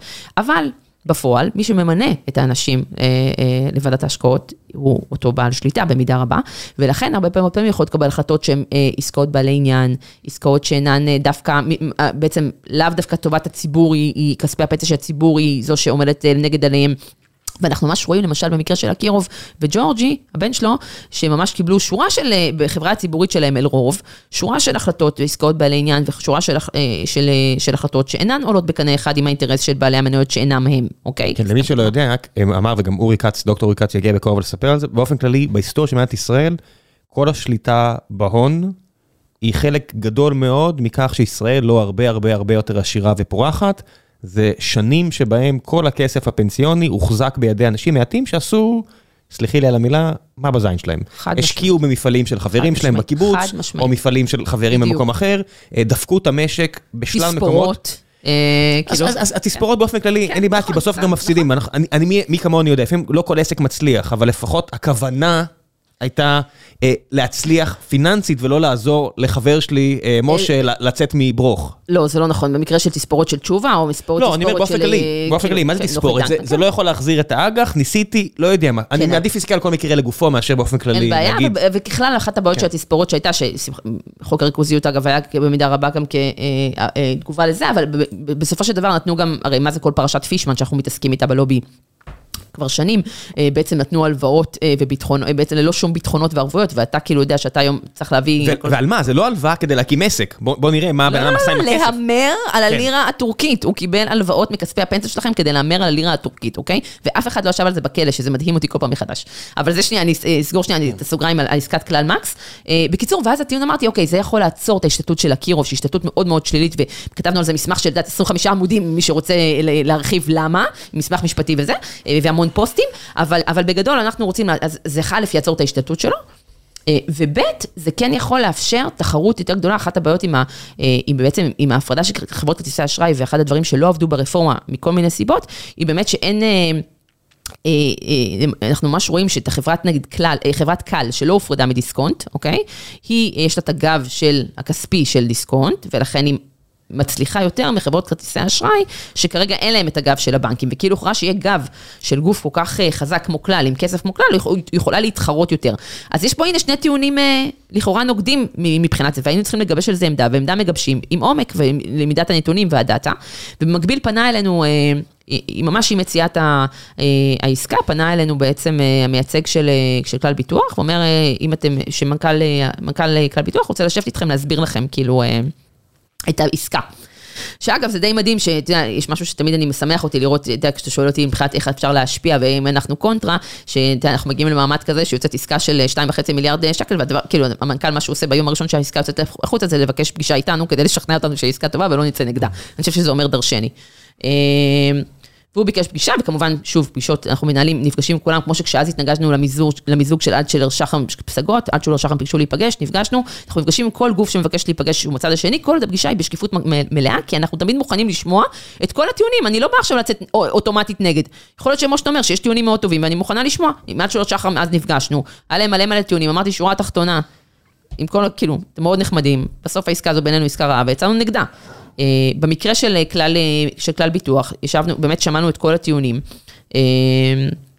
ואני חייבת לומר שהיו לו טיעונים מאוד משכנעים, למה העסקה הזאת, למרות הגברת הריכוזיות מצד אחד, למה היא מאוד טובה מ... כן, לפעמים אין ברירה, בדיוק היה פה לא מזמן, אחד השותפים של מור השקעות, והוא אומר, תקשיבו, אתה אוהב S&P 500 כאילו כאפיק השקעה, לא יודע, במשך שנים דיברתי, זה מה שאני עושה, אני לא יכול להמליץ לאנשים אחרים, אני מעדיף שלא מנהלי השקעות, בדיוק לא מזמן היה לי שיחה, מאמר מוסגר עם היועץ הפנסיוני פה, והוא אמר לי, תסתכל, הנה כלל, הנה זה, עשו 60 אחוז, אמרתי, אבל בחמש שנים האחרונות ה-S&P 500 שלי עשה 89 אחוז, עכשיו 70 ומשהו אחוז אחרי ירידה, למה אתה מנסה לשכנע אותי ללכת ל... איפה אתה מנהל במור השקעות? אתה לבד או שדרך הבנק?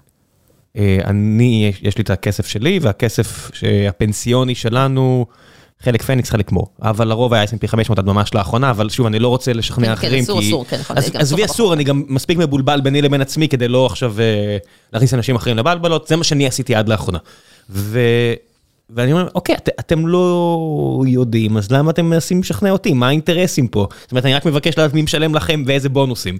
כי את קולטת שיש, אתה יודע, סוכני ביטוח, דוחפים לך איזה הצעה, ואני אומר, אותו בן אדם, אני לא אציין את שמו, שעבדתי איתו בעבר, והוא אומר לי, אסור לך לעבור ל-25 והכל, אמרתי לו, אחי, אבל עוד שנה אתה תגיד לי משהו אחר, אתה תעבוד בחברה המתחרה. אתה רק סוכן מכירות, אתה לא באמת יועץ שלי.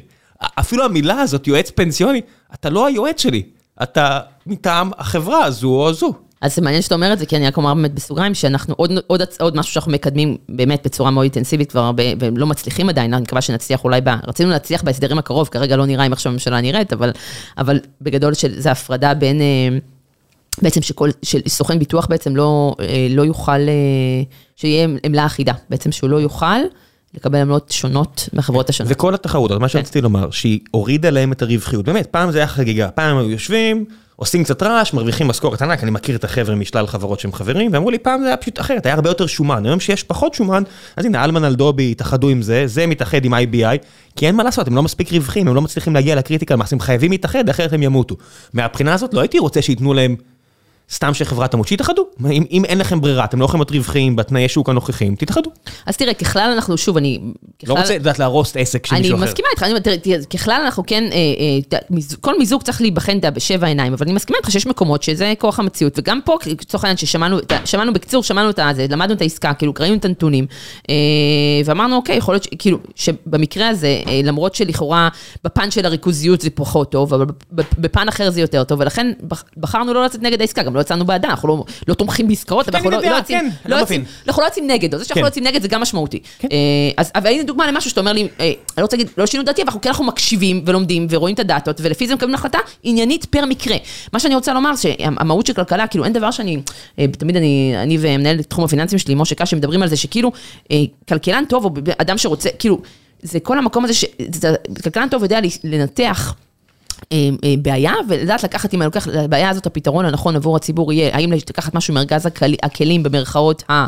אה, נקרא לזה הקפיטליסטי, או מארגז הכלים במרכאות הסוציאל דמוקרטי, או כאילו לדעת, כאילו, אני, אני באמת חושבת שזה אה, הגדרות שקצת עבד עליהן הקלח, באמת, אני, אני כאילו... אין, אני, אני לא מקבל שיש פה מישהו שהוא באמת סוציאליסטי או באמת קפיטליסט. זה- זה- מה זה קפיטליסט? זה שאין הלאמה של ההון, רובכם המוחלט, המוחלט, המוחלט קפיטליסט, גם החבר'ה שהכי יגידו לי שהם סוציאליסטים. ואז אומרים לי, תראה את סקנדינביה. אוקיי, זה מישמש של כל כך הרבה תפיסות. נכון.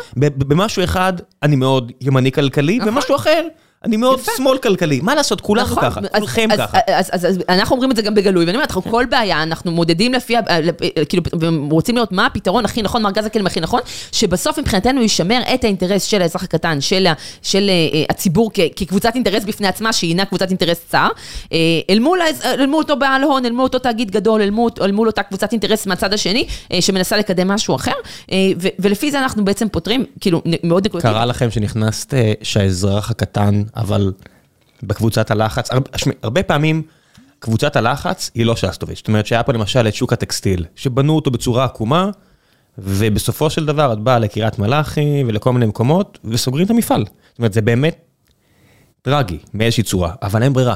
זאת אומרת, זה לא יכול, זה לא, אין לו זה, אין לזה זכות קיום בארץ, והאזרח הקטן שנפגע, הרבה פעמים הוא גם באמת אזרח קטן.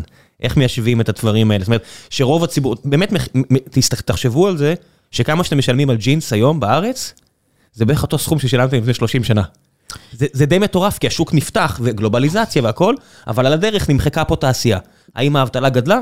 לא, היא לא גדלה, אבל נקודתית יש אנשים שמאוד היה להם רע וסבלו. זאת אומרת, איך מיישבים את העניין הזה של הרס יצירתי? אז אנחנו לא, שוב, אנחנו תמיד, אנחנו מתעסקים נורא, אנחנו נורא מקפידים לעסוק בבעיות המאקרו, אוקיי? אני לא אתעסק עכשיו עם המפעל שנסגר, או זה, כאילו... זה, זה מקרו, זה באופן כללי, לא, נוכל, לא ניתן סובסידיות למפעלים האלה, זה מקרו.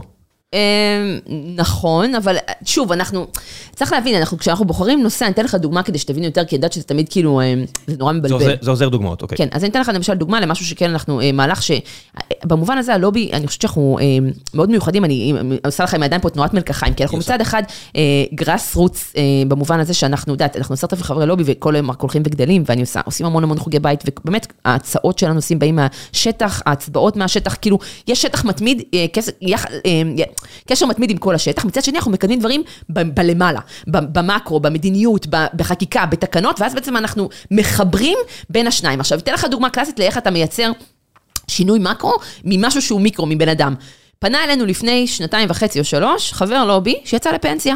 והוא אומר, תקשיבו, אה, אני יצאתי לפנסיה והקפיצו לי את הדמי ניהול. ועכשיו הם הקפיצו לי, הדמי ניהול שלי היו 0.2, פתאום הם 0.5, והם לא נותנים לי לעבור אה, חברת פנסיה. ואיך זה יכול להיות? ואמרו לי שזה החוק. אמרנו, מה? איך זה יכול להיות? הלכנו, בדקנו. מסתבר שאכן החוק כפי שהוא היה, בעצם אה, אומר שאם אם יצאת לפנסיה ולא התקשרת דקה לפני לחברת הפנסיה לסגור איתה שהמחיר שאתה משלם עכשיו, הדמי ניהול שאתה משלם עכשיו, יישאר גם אחרי היציאה לפנסיה, דמי הניהול שלך עולים אוטומטית ל-0.5, אוטומטית, וואנס אתה יוצא לפנסיה אסור לך לעבור חברת, ככה זה, זה, היה, זה החוק. עכשיו, זה מצב הזוי שבעצם אתה משאיר אנשים כאילו, מי יודע להתקשר קודם ולשנות את זה? אולי 0.000% מהאוכלוסייה. אם יתקשרו חמש דקות לפני, נחשו מה. לא יענו לכם. כן, בדיוק, אז, אז כאילו, מי יודע את זה? וזה זה מצב שהוא בלתי נסבל, כי בעצם הרג, הרגולטור, התפקיד שלו, הנה כשל, דוגמה לכשל שוק, שהרגולטור חייב לפתור ולהגיד אחד משתיים. או שאני מאפשר להם לעבור לחברה אחרת כדי לחפש תחרות, או שאני מוריד להם את התקרת דמי ניהול, כי אסור, כאילו, שלא יחייבו להם את המקסימום של 0.5, אתה לא יכול להשאיר את המצב ככה. הבאנו את זה בפני באמת אה, אה, ממונה על שוק ההון, שאמר, אתם צוד, כאילו צודקים, אמר, התחייב על זה גם בוועדת אה, כספים, שהם הולכים להביא את זה אה, לתיקון ולהוריד את ה... מה היה המהות של החוק מלכתחילה? זה, זה נורא מצחיק, כשהתחלנו להתעסק עם זה, והתחלנו לכתוב על זה פוסטים ולצאת עם זה לתקשורת, ואמרו לנו, קיבלנו כמה טלפונים משוק ההון, שאמרו לנו, אתם חיים בסרט, זה בור השומן של, של נשמע חברות הזה. זה ממש בור השומן, ואין שום סיכוי שיגעו לכם בזה, שייתנו לכם את זה. אה, ויצאנו למסע כמעט בין שלוש שנים, זה היה כאילו, עכשיו אני אומרת לך, שלוש שנים זה ברמה של התעסקות מתמדת. לא הביאו לך שלוש שנים האלה טיעונים לגיטימיים לחוק הזה? אין, זה, הסיבה לכאורה, תראה, הם, הם כאילו אומרים, אתה לא יכול לעבור חברה כי זה פוגע בכל החישוב האקטוארי של, של, של הפנסיות, ולגבי הגובה של ה-0.5, אין להם שום טיעון ענייני, כי אנחנו עשינו את החישוב בעצמנו. היופי זה שיש לנו in-house, כלכלן מבריק ואיש פיננסי אה, מדהים, מבריק, שעשה את הניתוח in-house, הלך, בדק את כל הנתונים, כל הדאטה, דוחות כספיים, אמר, אוקיי, העלות של, אה, העלות שעולה פנסיונר, אחרי פנסיה, אחרי שהוא יוצא לפנסיה, לנהל את הכסף, לא עולה במקסימום על 0.1. אם אתה רוצה להיות הכי לארג' בעולם, הכי לארג', שהחברה גם תרוויח כפול, 0.2. בסדר? אחרי רווח של החברה.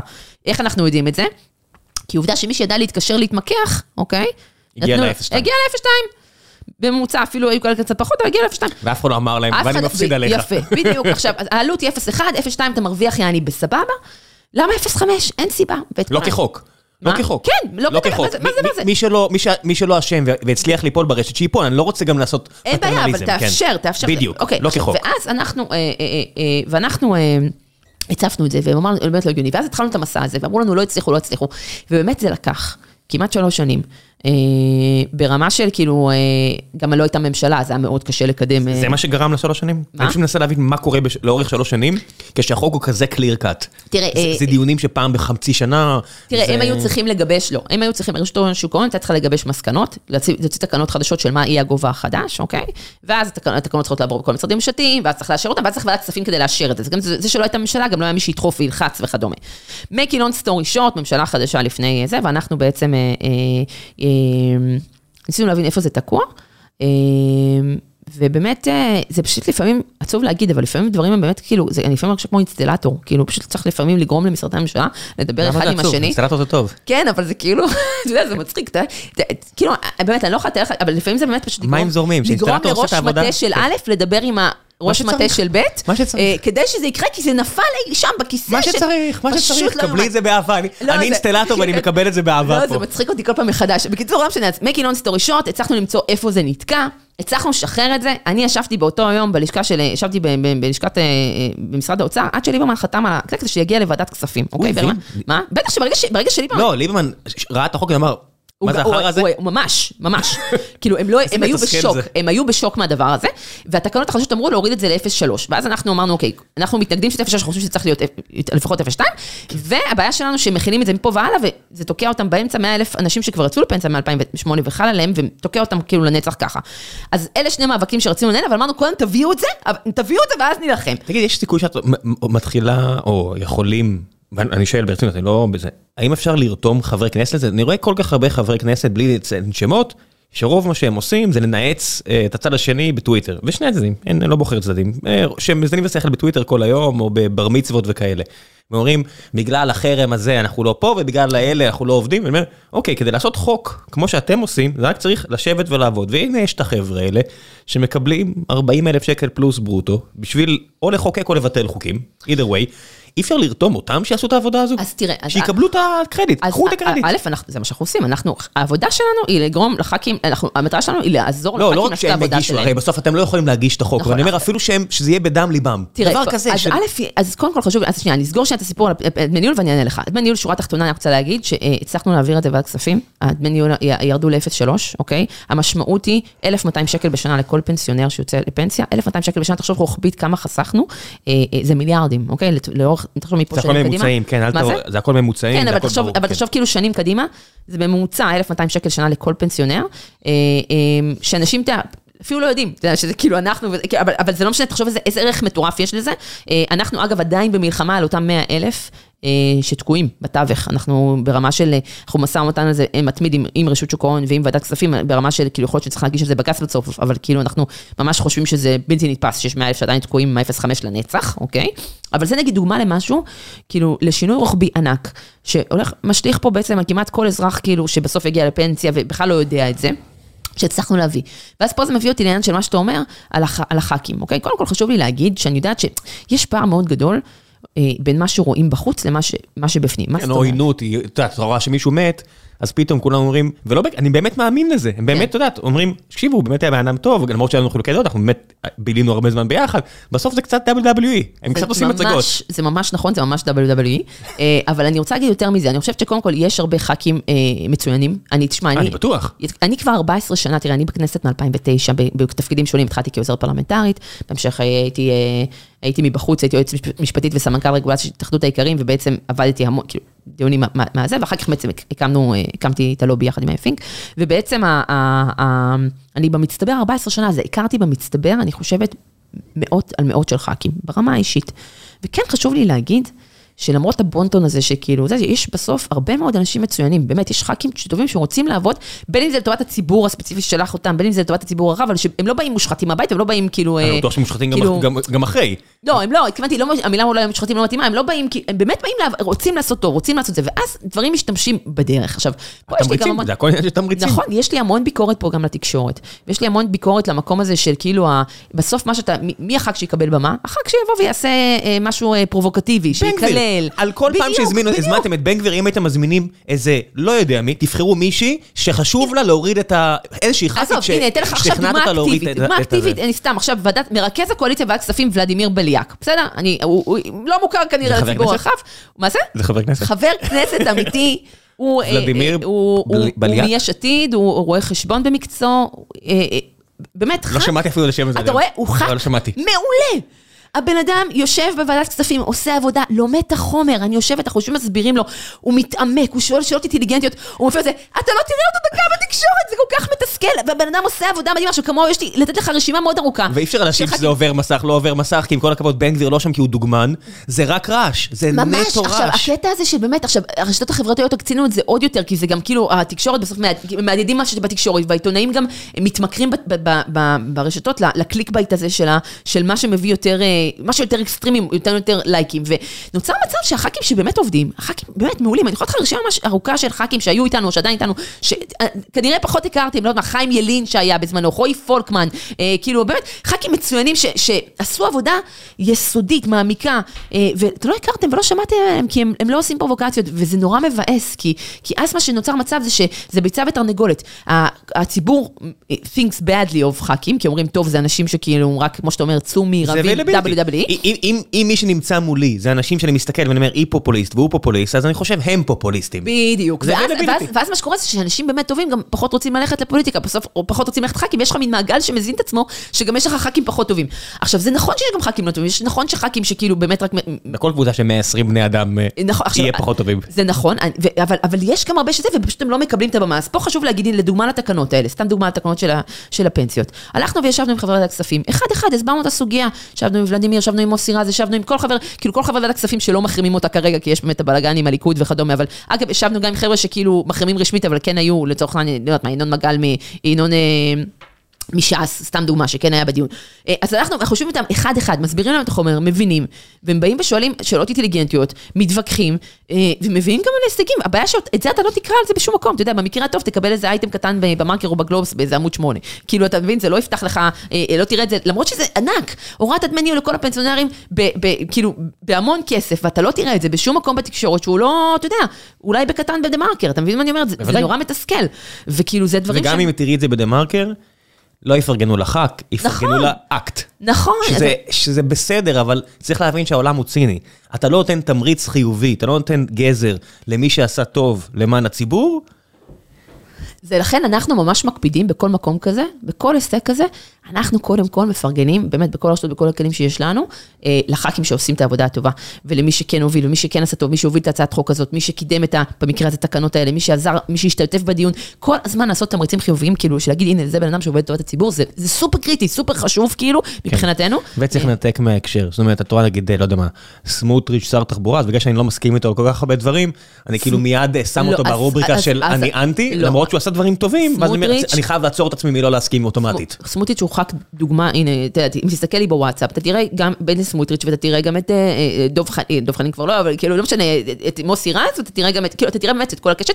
סמוטריץ' הוא בסוף, עם כל, כח"כ מעולה, צריך הוא בא להגיד את זה. לעבוד, הוא הוא איש בן עבודה. אדם שבא לעבוד, הוא מבין עניין, הרבה פעמים, אנחנו לא יכולים, תמיד אנחנו צוחקים על זה שכאילו הוא אומר, אני לא מסכים איתכם הרבה דברים, אבל אתם מקצועיים. וגם אנחנו אומרים לו, הוא לא מסכים איתו הרבה דברים, אבל הוא סופר מקצועי, הוא יודע ללמוד חומר, הוא מבין, הוא מבין עניין מהר. אתה יושב ומסביר לו, אתה רואה כאילו בן אדם סופר אינטליגנט, שקולט עניינים, אה, אה, ואפשר לרתום אותו, כאילו, ועדת כספים עבדנו איתו המון על המון דברים, כאילו, לצורך העניין, אז אם אתם זוכרים את הבלאגן עם המענקים של, אה, אה, בזמן הקורונה, שניסינו לעצור את ה...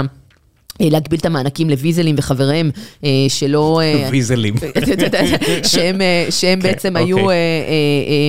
אמרנו בואו נכניס מגבלות, שכאילו את הכסף הזה הם לא יוכלו למשוך כדיבידנד. אגב, מה שבאמת עשו מספר שבועות אחר כך, מי שעזר לנו בסיפור הזה היה סמוטריץ', עכשיו אנחנו כאילו עבדנו איתו והוא עבד זה, בסוף נכשלנו כי ישראל כץ הגיע בעצמו לדיון ולא נתן לשום דבר לעבור, אבל כאילו, אבל בגדול, הנה דוגמה לשיתוף פעולה מדהים שעשינו איתו, והוא היה, ונרתם לחלוטין ועשה עבודה מצוינת. כן, בנושאים האלה אני די מאמין שליבו ופיו שווים, הוא נראה לי בן אדם לא חומרי, אז אני מוריד את הסיכון של שוחד כספי, הוא נראה לי בן אדם שפשוט, כן, על פוליטיקה, לא- על מדיניות אני לא מסכים, אה, מדיני. אני לא אסכים איתו על הרבה מאוד דברים. אפשר לשכנע, תראה, גם כן. בכלכלי הוא לא תמיד, לצורך העניין, בכיל הוא היה נגיד לטובת, כאילו, נגיד חיל, אנחנו יכולים להסכים אותו, אבל תמיד ייאמר לזכותו שאפשר לנהל את הדיון ענייני, ענייני ומעמיק, ואתה יכול לשכנע אותו. ואני מאוד אה, אה, מעריכה אנשים שכמו שאתה אומר, שאפשר לשכנע אותם ואפשר להראות להם את הנתונים. עכשיו, אתה קודם אמרת, כאילו, בתחילת השיחה אמרת משהו על זה של השרים, נתונים, יש דבר בסוף נתונים. נתונים, יש המון דרכים להציג אותם. ויש אלף דרכים להראות דאטה, ויש אלף דרכים, יש ספינים, באמת, על מה אתה מתמקד ועל מה אתה לא מראה. אתה יודע, כמה פעמים אתה רואה משהו, אבל רגע, למה אתה לא מדבר על זה? איפה הנתון הזה? כאילו, וחלק מהעבודה שלנו והמהות של מה שאנחנו עושים בלובי, ואני חושבת שהסיבה שאנחנו כל כך מצליחים, זה הקטע באמת המקצועי, שאנחנו לא מתפשרים עליו, שזה באמת היכרות הכי עמוקה בסוף, עם כל הסעיפים הקטנים, עם כל הדאטה, גם הכלכלי, גם המשפטי, גם לדעת לזהות את, ה, את המקום הזה של המילה הזאת, היא בעצם, אוי, אתה מוסיף פה רק ולא אולי, זה 200 מיליון שקל לציבור שפספסת. וזו ההתמקצעות שלנו, וזה מה שאנחנו עושים, והח"כים יודעים להעריך את זה, וגם השרים, ולכן אנחנו גם מצליחים לעשות שיתופי פעולה רוחביים, כי גם אם אתה נקודתית לא מסכים איתם, יכול, איך, איך אומר לי ינון, אה, ינון אזולאי מש"ס, הוא אומר לי, אה, אה, אה, אני, אני, אני הרבה פעמים לא מסכים, כאילו לא אסכים איתכם זה, אבל אני תמיד קורא לעומק את כל הניירות שלכם. כאילו, אתה יודע שזה, שמבחינתי זה מה שאני רוצה. כאילו, גם אם אני אצליח לשנות לו עכשיו, לא יודעת מה, סעיף אחד או עמדה אחת, או אני אצליח זה, זה מבחינתי שווה את, את העבודה, וחלק מעבודת הלובי זה לשבת איתם אחד-אחד, להסביר להם, לתווך להם, לשלוח להם את הניירות עמדה, להסביר להם, לענות להם על שאלות, לדבר איתם לפני הדיון, לגרום לכך שיגיעו לדיון. כאילו, אתה יודע, זה חלק מה... זה, ו,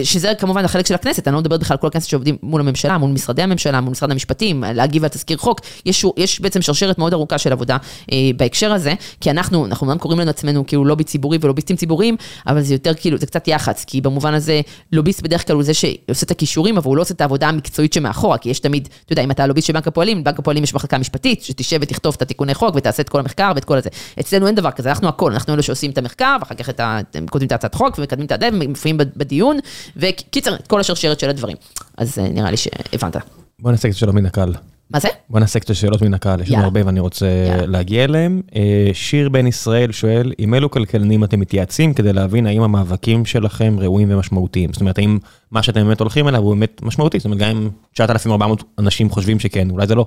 תראה, כל, חשוב להגיד שאנחנו, 9,400 אנשים מצביעים על נושא מקרו, הם מצביעים על נושא גג. מה זאת אומרת? הם בוחרים נגיד ביטוח ופנסיה, הם בוחרים צרכנות, הם לא מצביעים, בוחרים מה אנחנו נעשה בתוך זה. הם יכולים בתוך זה לשלוח לנו תלונות פרטניות, נושאים פרטניים שנשים לב, אבל אנחנו בסוף עושים את העבודה המקצועית של להחליט מה כן ראוי ומה, לא, ומה לא, וכל, באמת כל נושא כזה וכל דבר כזה, יש לנו, אנחנו מתייעצים עם אנשים באמת, טובי, אני, אני פשוט, לא את כל השמות, אני לא יכולה לחשוף, כאילו, אתה יודע, יש לי הרבה שמות שאנחנו, יש כאלה שהם יותר גלויים ויש כאלה שפחות, אבל אנחנו מדברים עם טובי הפרופסורים, אין כאילו, טובי ה... אה, מש, מ, אגב, מכל האסכולות נקרא לזה, יש לנו גם אוניברסיטה העברית, יש לנו אוניברסיטת תל אביב, יש לנו כאילו כלכלים שהם בפרקטיקה, ויש לנו כלכלים ש... אה, אה, אה, וגם in-house, צריך להבין שלא יודע, מנהל תחום פיננסים שלי, משה קשי, הוא גאון פיננסי, הוא באמת הבן אדם אחד האנשים הכי מבריקים שהכרתי בחיי. כן, בסוף יש אנשים, את יכולה להביא עומר מואב ואת יוסי זעירה, שניהם פרופסורים מוערכים, גם נכון. אנשים אחרים, הם פשוט חושבים, הם חושבים מאוד מאוד שונה אחד מהשני. נכון, אז אנחנו בדרך כלל, אה, אה, אנחנו ננתח את הנתונים, ואם נגיע למסקנה שאנחנו לא חושבים חד משמעית מה יהיה פה טוב לציבור, אנחנו לא נתערב בזה,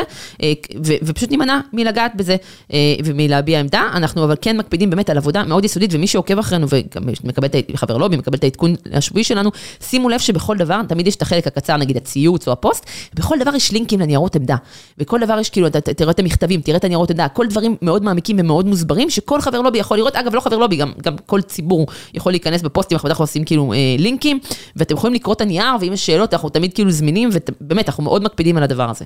יאניק אה, מילמן אה, שואל, בתור מי שעומדת בראש ארגון שמתנגד למונופולים ישראלים ששולטים בשוק, אני תוהה מה עמדתך בנושא מונופול המדינה בתחום הפירות, ירקות, ביצים וכו'. מה כאן המונופול המדינה? זאת אומרת, אני מניח רגולציה. אני מדבר, כן, אני מדבר קטע של כל המועצות. אז כמו שאמרתי קודם, זה לא באמת נושא שאנחנו לא... בגלל זה אני אומר, זה לא מדינה, זה אלפי אנשים נכון. ספציפיים. נכון, נכון, ולכן אני אמרתי, כמו שהסברתי עם הרפורמה בחקלאות, זה נושא שהוא מאוד לא בקונצנזוס, ואנחנו לכן לא עוסקים בו, הוא לא נבחר על ידי חבר לובי, אה, והוא נושא, אנחנו מתמקדים יותר ב...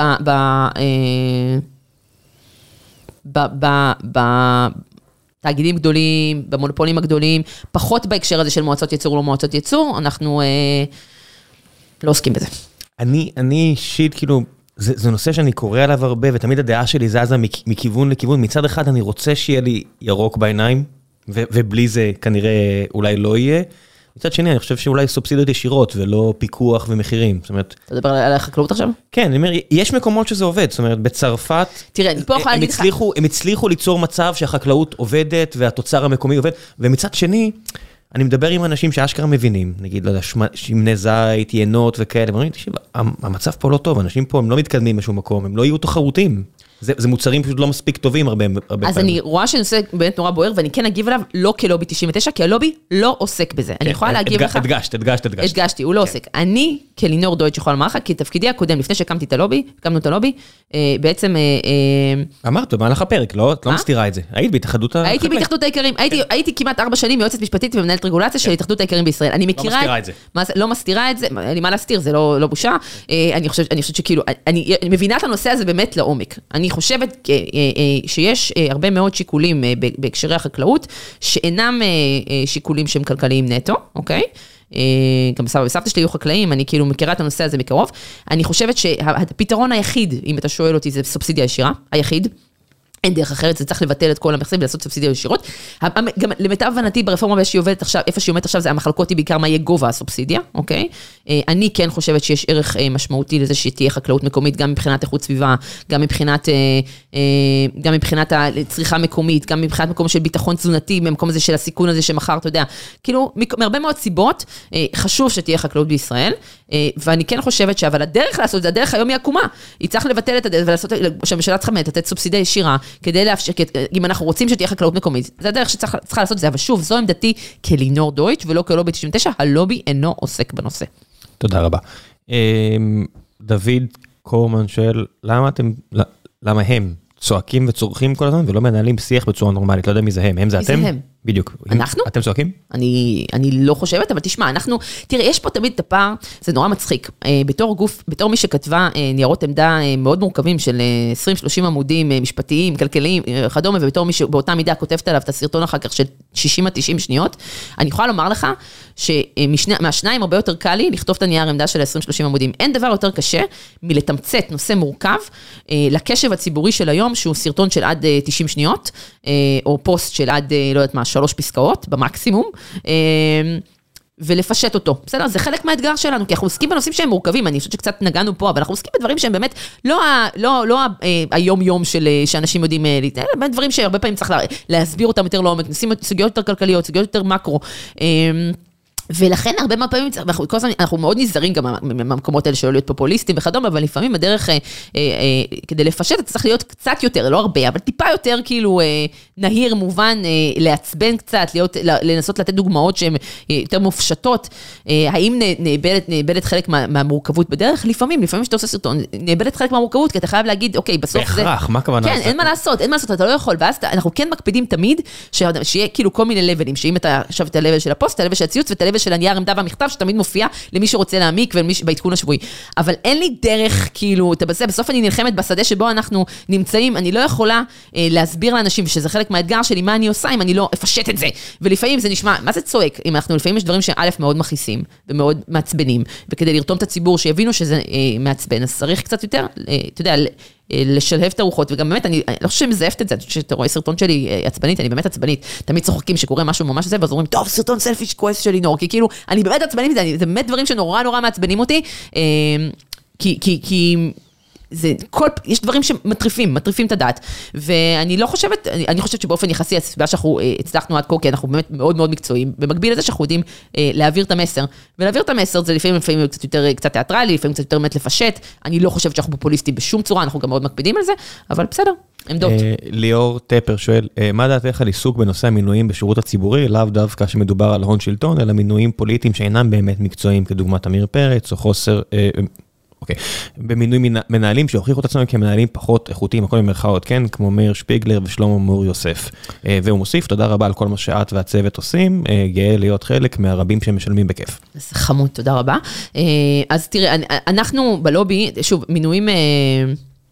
אנחנו לא... אישיים. מינויים אישיים זה, זה, זה, זה חלק מהמערכת, אין לנו דרך, כאילו, אתה יודע, איתי זאת איתי, יש איזה פלוסים, יש איזה מינוסים. אנחנו פחות מתעסקים בזה, אנחנו מתעסקים יותר בנושא של דלתות- מסתובבות, במעבר של אה, מעברים אה, בלתי ראויים ללא תקופת אה, צינון, שהצלחנו לעצור כמה וכמה כאלה, מאז שהתחלנו להתעסק עם זה בשלוש שנים האחרונות, וממש יצרנו שינוי ב, ביחס, כאילו, של הדבר הזה, כאילו, ברמה ש, אתה יודע, אני יודעת את זה כי משרד המשפטים הזמין אותי ליום העיון שלו, של 300 העובדים של משרד המשפטים, כדי להרצות בפניהם על הדבר הזה, אז אני יכולה לומר לך בוודאות שזה מייצר, כאילו... את השינוי ואת ה- את הסיפור הזה. בסיפור של מינויים פוליטיים הוא סיפור, אה, הוא סיפור כאוב, בעייתי, אין לנו באמת איך לפתור אותו, ולכן אני מעדיפה להתמקד בבעיות שכאילו אני כן יכולה לפתור. אה, משרות אמון זה משהו ש... it comes with a territory. ההבדל הוא באמת שמינויים שכמו שאתה אומר, למנכ"ל משרד אה, ביטוח, מנכ"ל ביטוח לאומי, או מנכ"ל, אה, כאילו, פוזיציות שהן מאוד משמעותיות לכלל האוכלוסייה, ושבסוף אתה מביא מישהו שהוא לא בהכרח, אה, לא רוצה להגיד ראוי, לא עונה לכל הדרישות, לא, לא, לא, הוא לא מינוי מקצועי, זה מבאס, מה אני אגיד לך, אבל, אבל מה, אין לי, אין לי מה לעשות עם זה. בניגוד כאילו, לשר, שזה תפקיד שהוא הרבה פעמים ייצוגי, והוא לא באמת יודע, אבל זה בסדר, כי זה התפקיד שלו, מנהלי משרדים זה ממש כואב, שמביאים אנשים לא מקצועיים. מסכימה, אני מסכימה, ואנחנו אוכלים את הקש על זה הרבה, כאילו, אנחנו עובדים בסוף, אנחנו צריכים בסוף לעבוד מול אנשים שהם לא בהכרח, אבל אתה יודע, it is what it is, אז כאילו, אני מעדיפה ממש לנתב, האנרגיה, אנרגיה היא בסוף מוצר מוגבל ומתכלה. אני מעדיפה לנתב את האנרגיה שלי למקומות שאני יכולה לשנות, על פני מקומות שאני יודעת שאין לי סיכוי. בוא נעשה עוד איזה שניים, ש- אה, שתיים, שלוש שאלות. אה, שמואל שואל, מהן המחלוקות ביניכם לבין האינטרס שלנו, במרכאות, זה גוף?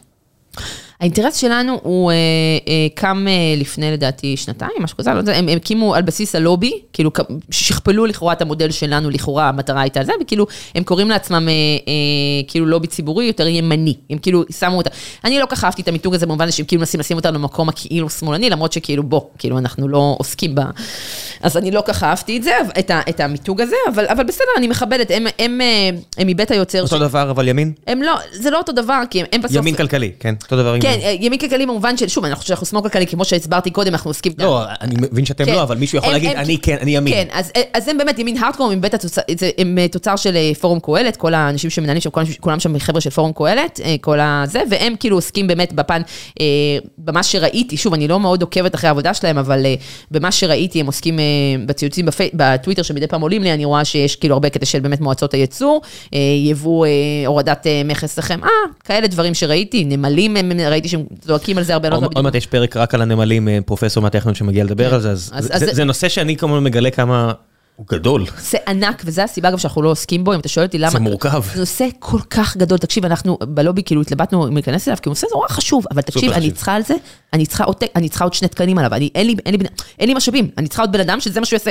כאילו, זה מורכב. זה נושא מורכב, הוא אני- ענק. יהיה פרק רק על זה בקרוב. תקשיב, אנחנו ניסינו, זה, תמיד אומרים לי, למה הלובי לא עוסק בזה? כי אנחנו, הלובי עוסק בצורה מקצועית בנושאים, וכשאני מבינה כמה אנרגיה ומשאבים אני צריכה להשקיע רק בשביל לטפל בנושא אחד, אחד, אין לי, תביאו, בואו, תביאו, תצטרפו ללובי, שיהיו לי עוד הרבה אנשים, ואני אוכל לטפל כן, בעוד נושאים. אפשר, אפשר לטעון למשל שרק הדיור זה נושא אחד אחד אחד שמצדיק את זה, אבל עם כל הכבוד, אתם לא תפתרו את הבעיה שם. זה נכון, ואגב, הנה, אתה עלית ממש מהר על למה אנחנו לא עוסקים בתחום הדיור. א', גם לא נבחר על ידי חברי הלובי, אבל גם ההסבר שאני תמיד אומרת, אני מכירה במגבלות שלי, בסוף אנחנו הצלחנו מלא, אנחנו ארגון שעדיין גדל, אני חושבת שיש לנו הרבה מאוד לאן לגדול, יש לנו הרבה מאוד לאן להתפתח. עם כל הכבוד אה, לארגון חברתי בסוף, היה לך שר אוצר, שרתם, בנה את כל המבנה, לקח קבינט דיור, לקח את כל הסמכויות משרדי הממשלה, בא, רץ על הטיקט של הדיור, עשה כאילו הכל, ועדיין לא הצליח אה, להוריד את המחירים. אז- מה זה לא הצליח? כאילו- לעניות דעתי, החמיר את הבעיה. אז כאילו עוד יותר זה, אז אני, בוא נגיד ככה, קטונתי, אני מעדיפה להשקיע את המשאבים במקום שבו אני אצליח באמת אה, לייצר שינוי. אה, חן מור אה, שואל או שואלת, שואל, את לא חושבת שאת מקדמת פופוליזם כלכלי, נגיד הורדת הפטור על קניית מוצרים מחו"ל ל-25 דולר כמו שקיים בעולם, למה שהיבואן ישלם מס והאזרח לא? אני לא ברור לי מאיפה היא ממציאה את הדברים האלה. אני, מה. שאנחנו קידמנו, אה, בלי להמציא, כאילו, אני אסביר מה אנחנו. אנחנו, אה, חלק מה, אה, הצלחנו לעצור כל פעם מחדש בכל חוק הסדרים, את ביטול הפטור עד 75 דולר. מה שקורה זה שיש לחץ מאוד חזק מצד הוויזלים, זוכר שדיברנו על הוויזלים? אז הראל ויזל וחבריו, אני מרגיש שאני צריך להתנגד למושג ויזלים. אין בעיה. הראל ויזל וחבריו, יש להם לובי מאוד מאוד אה, אפקטיבי, והם אה, באופן שיטתי, מנסים להביא לביטול הפטור עד 75 דולר. אה, אנחנו אה, פעם אחרי פעם מצליחים לסכל את זה, אנחנו חושבים שהפטור הזה הוא קריטי, בשביל, בגלל שהשוק פה הוא לא תחרותי ומאוד מאוד ריכוזי, והפטור הזה הוא קריטי בשביל לשמר, גם כדי להכניס קצת תחרות וגם כדי לשמר את זכותו של האזרח להזמין באי-ביי או ב... לא, קצב גילוח. בדיוק, במחיר נורמלי כן. כדי להילחם בשוק הכה ריכוזי שיש פה. אז בזה אנחנו נלחמים פעם אחרי פעם, אבל לא ברור לי על מה היא מדברת מעבר לזה, כי זה, זה המלחמה, הוא מדבר, כי אנחנו, זה המלחמה שאנחנו מנהלים, ואנחנו מצליחים בה מאוד גאים בה, אבל כן. אגב, כל פעם זה מלחמה מחדש. העניין המהותי זה, אה, אני מניח, וזה דיון יותר מעניין, למה שהיבואן ישלם מס והאזרח לא? אז זה נגיד דיון, למשל, באמת, עם החבר'ה של גוד פארם שיגיעו בקרוב, אני מניח שזה טיעון שמאוד מפריע להם, ואני גם מבין את זה. למשל, זה שאני מזמין את הקצב גילוח לראשי הקרח, זה קצת מבאס אותי, כי זה מגיע עם קופסה כזאת של אמזון, ואני אומר, למה הגיע פה עוד קרטון? ועוד, אה, את יודעת, חומר בידוד, וזה עלה על מטוס ולא בסירה, ואני כאילו תורם לזיהום ולכל הלכלוך, ומצד שני, אני חוסך ככה מאות שקלים בשנה. תראה, זה מבאס אותי ברמה האישית שאני הולך למקומות האלה, אבל זה הרבה כסף. זה המון כסף, והעובדה שיש לך פה שוק כל כך ריכוזי, ושעם כל הכבוד, אה, אריאל ויזל נלחם על זכותו אה, להביא חולצה שעולה שלושה שקלים בסין ולמכור אותה ב-75 שקל בפוקס, והוא לא רוצה שאני אזמין בעצמי את החולצה הזו מסין בשלושה שקלים, אה, אז בואו כאילו תתכבדנה ובאמת תפתחו, השוק פה הוא, הוא לא שוק תחרותי, תורידו מחירים, ואז, יודע, אנשים תמיד יעדיפו לקנות בסופר לאדם ולא להזמין מאמזון, כי זה יותר טרחה והתעסקות, וכמו שאתה אומר, כאילו... אם, אם אתה יותר אידיאולוגי בצד של הסביבתיות, זה גם באמת מטופש. גם, גם באמת, רוב האנשים בסוף, אתה יודע, זה התעסקות, אני ממש מעדיפה לרדת לסופר פארם ולקנות. כן, הרחיקו לי את הדואר כאילו- קילומטר. נכון, זה לא מצחיק, זה הרבה יותר לא, אני לא צוחק, באמת זה משפיע עליי, כן. וזה תור בדואר וזה לא זה, ואני ממש לא, מעדיפה לא זה, אבל כשהמחירים הם כל כך מופרכים, כן. וכשאתה מוכר דורנט ב-27 שקל שקניתי אותו לפני שנייה, הזמנתי אותו מ-iHair ב-7 שקלים, אז וואלה, כאילו זה לא סביר. לא, אני עדיין, שלא יישמע אחרת, אני עדיין, אני מזמין פשוט, כאילו זוגתי צוחקת עליי שיש לי סכיני גילוח לשלוש שנים. בסדר, אני מבינה אותך, כי המחירים הם לא שפויים. כן, מה זה? זה אני פעם אחת הזוויתי. מונופול ג'ילט, שאגב, דיפלומט שדיברנו עליה קודם, מחזיקה 92% משוק סכיני הגילוח, ומורשה לעצמה למכור פה מחירים שהם פי חמש מהעולם. זה מטורף. כאילו, למה? למה? אז למה שאני אשלם את זה? אז כן, הפטור הזה משמר את הזכות שלי, אה, כן, להביע, לשמור קצת, זה באמת קצת, כי מה זה 75 דולר? last act of defiance, זה הליכה שלי לדואר ולהביא סכיני גילוח מבחינתי. וזה מחייב אותם קצת יותר להתחרות, וזה שומר קצת על זכותנו, כאילו, אה, אה, כן... אה, זה trade-off, כן. כן. האם זה לא מעצבן בעיניי ברמה האישית, אם אני מנתק את עצמי מכך שאני לא משלם והיבואן, כן, כן, זה מעצבן, זה לא פייר, אבל השוק לא פיירי. כן, אבל זה גם מאזן אותו, אתה משלם על זה, ויש כמויות, ואתה זה, כן. בקיצור, אני עדיין, אני עומדת מאחורי זה לחלוטין, ואני חושבת שאנחנו נמשיך להילחם על ה-75 דולר. זה שזה כל כך יקר, אין מה לעשות, זה פשוט המצב. המלצות. תני לי המלצות, דברים ששמעת, קראת, ראית לאחרונה ובא לך להמליץ עליהם לציבור. אין רגולציה, את יודעת. מה, ספרים, סדרות, כאילו, כללי? מה שבא לך. פעילויות, מה שבא לך. תן לי שנייה לחשוב. וואי, יש לי פתאום כזה, זה נורא מצחיק, כי אני קוראת כאילו, אני חובבת אה, ז'אנר פנטזיה, אה, ז'אנר הפנטזיה בספרים, שזה קצת, אה, כאילו, אורי תמיד צחוק עליי מבוכים ודרקונים כזה, כאילו קוסמים. באמת פה, את באה לפה והולכת להתגונן על פנטזיה? לא, נכון, אתה לא הבן אדם נכון, אבל... זה לא, כל הקומה הזאת כן. פה, אני לא מקבל את זה. אוקיי, אז אני, אז אני, אני, כן, אני מאלה ששיחקו D&D כילדה, ואני...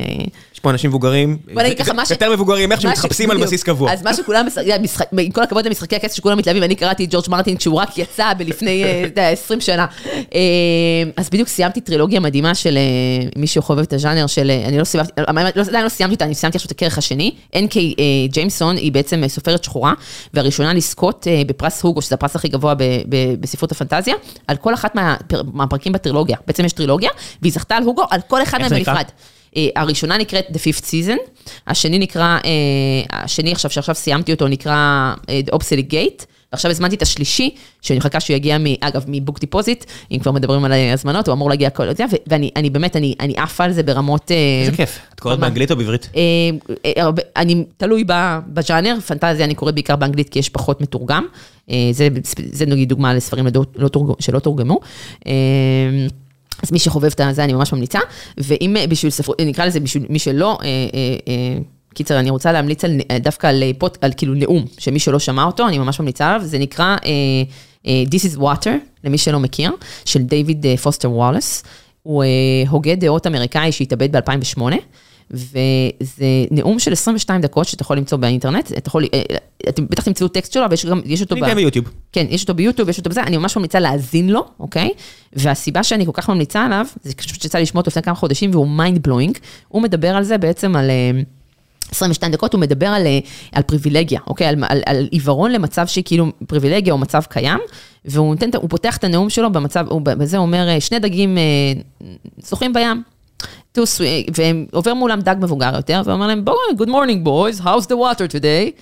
ואז הם אומרים לו, oh, thank you, וממשיכים לשחות, מסתכלים אחד על השני ואומרים, what is water? והוא מתחיל מזה... ככה זה פריבילגיה. כן, וככה הוא ממשיך, ככה הוא מתחיל, מתחיל להסביר בעצם מה זה פריבילגיה ומה זה עיוורון למצב שאתה כל כך רגיל אליו, שאתה לא בכלל מבין שאתה פריבילג, שאתה לא מבין בכלל שאתה כאילו, אתה יודע, תצא שאנחנו יושבים פה עכשיו במדינת עולם אה, אה, אה, ראשון, אנחנו בשפיץ של השפיץ, אנחנו לא רק בשפיץ, אנחנו בשפיץ של כאילו, השפיץ. או לצורך העניין, זה נכון לגבי פטריארכיה, דברים שאתה לא רואה אותם בכלל מרוב שאתה רגיל אליהם, כי ככה זה הדברים. זה נכון לגבי באמת מיליון דברים, והוא שם מסביר גם, זה נאום שהוא נושא בפני תלמידי קולג', שכאילו יוצאים, והוא מדבר בכלל כל התרבות. קיצור, נאום מאלף של 22 דקות שאני ממש ממש ממליצה עליו. הוא אגב מדבר שם... אה, זה מדהים, כי הנאום הזה נותן אותו ב-2005, והוא מדבר כאילו על קטע שההד, ההד הוא the terrible master, כאילו, וכמה שכאילו, והוא נותן דוגמה שכאילו, הוא אומר, אומר שאנשים מתאבדים, הם, אה, הם בסוף יראו בראש, כי כאילו הראש הוא הדבר הזה, וב-2008 הוא אכן התאבד בעירייה, שזה כאילו אה, הופך את זה ל... כנראה רע לו בראש. כן, אבל אני ממש כאילו, באמת, אני ממש חושבת שכאילו, בקטע של נאום מעורר ההשראה, ממליצה מאוד לשמוע, זה באמת... אז אני אמליץ אה, משהו שמתקשר לזה, אה, The Psychology of Money של מורגן האוזל, אני בדיוק שומע את זה עכשיו. אה, כמו שאתם יכולים לדמיין, פסיכולוגיה, כל מיני עניינים פסיכולוגיים שקשורים לכסף, מה שיפה שזה מאוד מאוזן וגורם לחשוב. אז בנוגע לפריבילגיה, באחד הפרקים הראשונים, הוא מספר שם איזה אנקדוטה שלא הכרתי על ביל גייטס, שהוא למד באיזשהו תיכון ליד סיאטל, והתיכון השתמש בכסף של הוועד, כי זה הרבה תורמים, יודעת, משפחות עשירות, אם מדברים על פריבילגיה שהיא הברורה, אז הפריבילגיה הפחות ברורה, זה היה בין התיכונים הראשונים בעולם ש... קנו מחשב כן. לתלמידים, והוא מביא שם סטטיסטיקה שבסך הכל באותה, אמ, באותו נקודת זמן, היו משהו כמו 300 מיליון נערים או נערות בעולם, בגיל הזה של תיכון, ומבין כל האלה, זה התיכון שהיה בו מחשב פנוי לשימוש. מדהים. זאת אומרת, one in a million. מדהים. 300 מתוך 300 מיליון, one in a million, ומתברר שביל גייטס בעצמו מכיר בזה, והוא נתן נאום לבוגרי התיכון הזה, והוא אומר, בלי, אני לא זוכר את השם של התיכון, בלי, בלי התיכון הזה אין מייקרוסופט. מדהים. אין, אין, זה לא, אנחנו, אני ופול אלן מבינים שבלי זה לא היה לנו אפשרות, כי אנחנו, היה לנו פור של ארבע שנים. על כל שאר האנשים שבתחום הזה. זה הפריבילגיה שלנו. אז הנה פריבילגיה, האם זה אומר שהוא לא עבד קשה? בטח שעבד קשה, כל התיכון הוא ישב ולמד ועבד קשה על החרא הזה. אבל, לא היה לו, לא היה. נכון. זה פריבילגיה. נכון. מה עושים? אני לא אומר, יש דברים שפשוט ברגע שמתחילים לנצל, זאת אומרת, בארצות הברית משתמשים הרבה במילה equity, כל מיני כאלה, ואני אומר, יש לי בעיה עם דברים שהם לא מוגדרים היטב. פריבילגיה כזאתי של שיהיה לך מחשב בתיכון ויש לך גישה אליו, זה פריבילגיה מאוד ברורה בעיניי. אין לי, אין לי פה, כל מי שישמע את הסיפור הזה מבין מה זה הפריבילגיה הזו. נכון. אני, אם אנחנו באמת בסיום, אני רק רוצה להגיד ככה איזה מסר לסוף, כי כן חשוב לי להגיד שבסוף אנחנו, אה, בלובי, אנחנו אה, ב-100% מימון המונים, מהשקל הראשון עד האחרון, אנחנו לא לוקחים תרומות גדולות.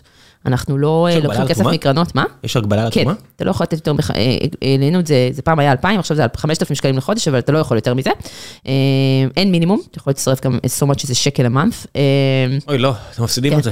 אני מכיר כמה עולה סליקה בארץ. סליקה, נכון, אגב, נכון, אנחנו מפסידים על זה, אז תשתדלו שלא בשקל, אבל חשוב לנו, יש לנו ערך כפול להצטרפות. קודם כל הכסף, כי כל מצטרפים בעצם מאפשרים לנו לשכור עוד כוח אדם מעולה שיעבוד לטובת הציבור, ואני כאילו, אין לתאר כמה נושאים אני נאלצת לא לטפל בהם, בגלל שאין לי כוח אדם. נגיד, רק עכשיו בבוקר סירבתי לחושף שחיתויות עם סיפור מזעזע, שפשוט אין לי כוח אדם לטפל בו. כאילו, משהו, סיפור ענק שהפניתי לעמותה אחרת, כי אין לי כוח אדם לטפל בו.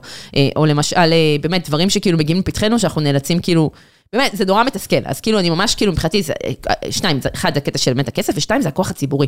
יש, המספרים משנים, וכשעמדנו מול ח"כים, שהיה לנו 800 חברים, כשאנחנו עמדנו מול, שהיה לנו 2,000, 4,000, ועכשיו יש לנו 9,400, היחס הוא אחר לגמרי, וכשנהיה 10,000, כשנהיה 15,000, וכשנהיה 20,000, זה כאילו, זה באמת מאוד מאוד משפיע ומשמעותי. ואת יודעת, אתם לא חושבים פעמיים על הקפה בארומה עם הקרואסון, או ה-20-30 שקל האלה שאתם בחודש שאתם צריכים לתת, לא תחשבו על הקפה, ותחשבו עשר פעמים לתת, ואני פה, אה, פה כן אומרת, בהקשר הזה שאני מכירה בעובדה שאנחנו אומה בטראומה, טראומת הוט, הוט כמטאפורה, אתה נותן כרטיס אשראי ואתה מפחד שלא תוכל להתנתק לנצח, ואנחנו כמדיניות, ואני מתחייבת כמנכ"לית, שיש אה, לנו מדיניות שאנחנו לא חתונה קתולית, אתה כותב מייל, אתה קודם כל מנתקים אותך, ואחר כך שואלים אותך למה, אתה לא חייב לענות, זה ממש מדיניות שלי, אה, כמי שלקח לה שמונה חודשים להתנתק מאות, אז אין מה לפחד. אני מבטיחה לכם שתצטרפו, אחר כך אתם תרצו להעלות את הסכום ולא, ולא, ולא לבטל אותו, אני יכולה להראות לך את הסטטיסטיקת הצ'רן ולעומת המעלים סכומים, שזה אה, מאוד אה, ניכר. כאילו, מבטיחה לא לאכזב, אנחנו צריכים את האמון שלכם בהקשר הזה, ואנחנו צריכים אתכם, כי לא מספיק לי שתעקבו ותגידו, אוי, עבודה מעולה, אוי, זה נשמע ממש חשוב. אנחנו ממש צריכים שתצטרפו ותעזרו לנו לעשות את העבודה הזאת, כדי שאני עכשיו אוכל לגייס את הרואת חשבון המעולה שאני רוצה להביא אותה, ואין לי כסף להביא אותה, אה, כדי לטפל בעוד שלושה מקרים מאוד חמורים שאנחנו צריכים להתעסק איתם. תראו לעדי, עדי אלטשולר, איך קוראים לאלטשולר? עדי? עדי, כן, מה? אז תראו לעדי אלטשולר שאתם, אם אתם בהייטק, אתם כן תורמים. אז א', כן, ממש. אה, תראו לה שזה פשוט לא על הארגון שלה, זה לארגונים אחרים. ממש, אתם ממש אה, מוזמנים. אגב, אני לא אכנס, באמת הרעיון הזה אחד הדברים הכי מבאסים, שכל האלה שהיא ציינה כשותפים שתורמים לה, זה אנשים שגם אני במידה רבה נלחמת בהם, אז זה כאילו היה קצת הלבנה של, כאילו, אתה יודע, זה קצת מבאס היה, אה, אבל אנחנו... אני מבין אותה, אתה העולם משתנה גם נכון. בכל מה שקשור לפילנטרופיה ועבודה ציבורית, זה לא פילנטרופיה אצלה, זה עבודה ציבורית, כן. גם שם... הדברים משתנים. נכון, אז אנחנו... אני תורם, אני פשוט לא תורם לה, משקיע, את יודעת, אני קורא לזה השקעה ציבורית, אז אני לא יודע, אני אצלכם, ואני במקום הכי חם בגיהנום, כל מיני ארגונים שאני, חשוב לי להביא להם כסף. אז אני גם במקום הכי חם גם ובשקוף, ואני בלובי בתמיכה למלחמה מינית, ועוד, כאילו, אני ממש מקפידה, עין השביעית וכדומה, אז כל אחד בוחר את המטרות שלו, אבל אני ממש, חשוב לי כאילו שיש את הקטע הזה של באמת לעשות את הקפיצה הזאת מלהגיד, להקשיב או לעקוב ולעשות לייקים, לבין מקום של ממש לשים את הכרטיס אשראי ולעשות את האקסטרה מיילג' הזה של ה commitment שישראלים פחות מורגלים אליהם, במיוחד שזה הוראות קבע וישראלים נורא מפחדים, בקטע הזה כולם רווקים תל אביבים, כולם אה, מעדיפים את היעדר המחויבות, נורא מפחדים מה, מהקשר הקבוע. אם אתם עצמאים, משהו שלמדתי ולא ידעתי עד שהרואה חשבון שלי אמר לי, אני אפילו מקבל החזר על זה. נכון, לא, לא, לא רק אם אתה עצמאי, לא רק אם אתה עצמאי, גם שכיר. אנחנו מוכרים, יש לנו סעיף 46, אנחנו מוכרים כתרומה מוכרת, זה אומר שבסוף כל שנה... מה זה אומר גם שכיר? זה אומר שאתה בסוף שנה מגיש, אם אתה תורם מעל 120 שקל בשנה, שזה אומר 10 שקלים בשנה, בחודש, אם אתה תורם מעל 120 שקל, אתה מגיש, בעצם אתה יכול להגיש את הקבלות. אה, וואלה, זה גם שכיר? ולקבל, כן, ולקבל 35 אחוז בחזרה. יו, לא ידעתי. אני הייתי בטוח שזה רק, הייתי רואה את זה בסדרות אמריקאיות, ואף פעם לא הבנתי שזה גם בארץ אפשר. אז גם אפשר, אתה פשוט צריך, אני אגיד לך מה, למה שכירים פחות עושים את זה, כי אתה צריך להגיד שזה להגיש את הדוח למס הכנסה, ורבים השכירים לא מתעסקים עם זה. אני במילא מגיש בגלל הצד העצמאי שלי, אז... אז תדע שבעיקרון כל מי ששומע אותנו יכול לקבל בסוף שנה 35% בחזרה, אנחנו מוכרים למס, כי אנחנו, יש לנו סעיף 46 של ניהול תקין, ולכן אתה כאילו גם נותן כסף, גם תקבל את חלקו בחזרה, זה... פנטסטי. זה ממש קריטי. לא יודע, נראה לי מחויבות אישית, שפחות כסף ילך שאני כן בעד תשלום מיסים, אפילו תשלום מיסים גבוהים, אני פשוט רוצה יותר לדעת מה קורה עם המיסים האלה, וזה עבורי לפחות נותן לי את האפשרות הזו. אנחנו... אני לא נגד מיסים. אנחנו, אני לא חשבתי שאתה נגד מיסים, לא, המאזין ערן...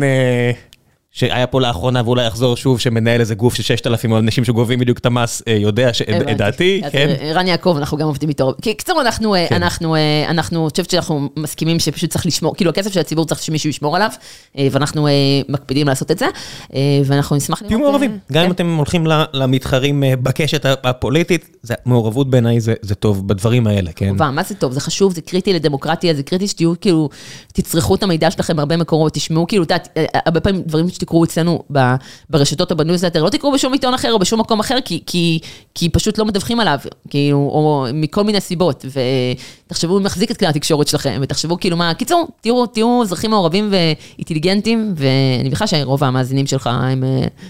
אני רוצה לחשוב.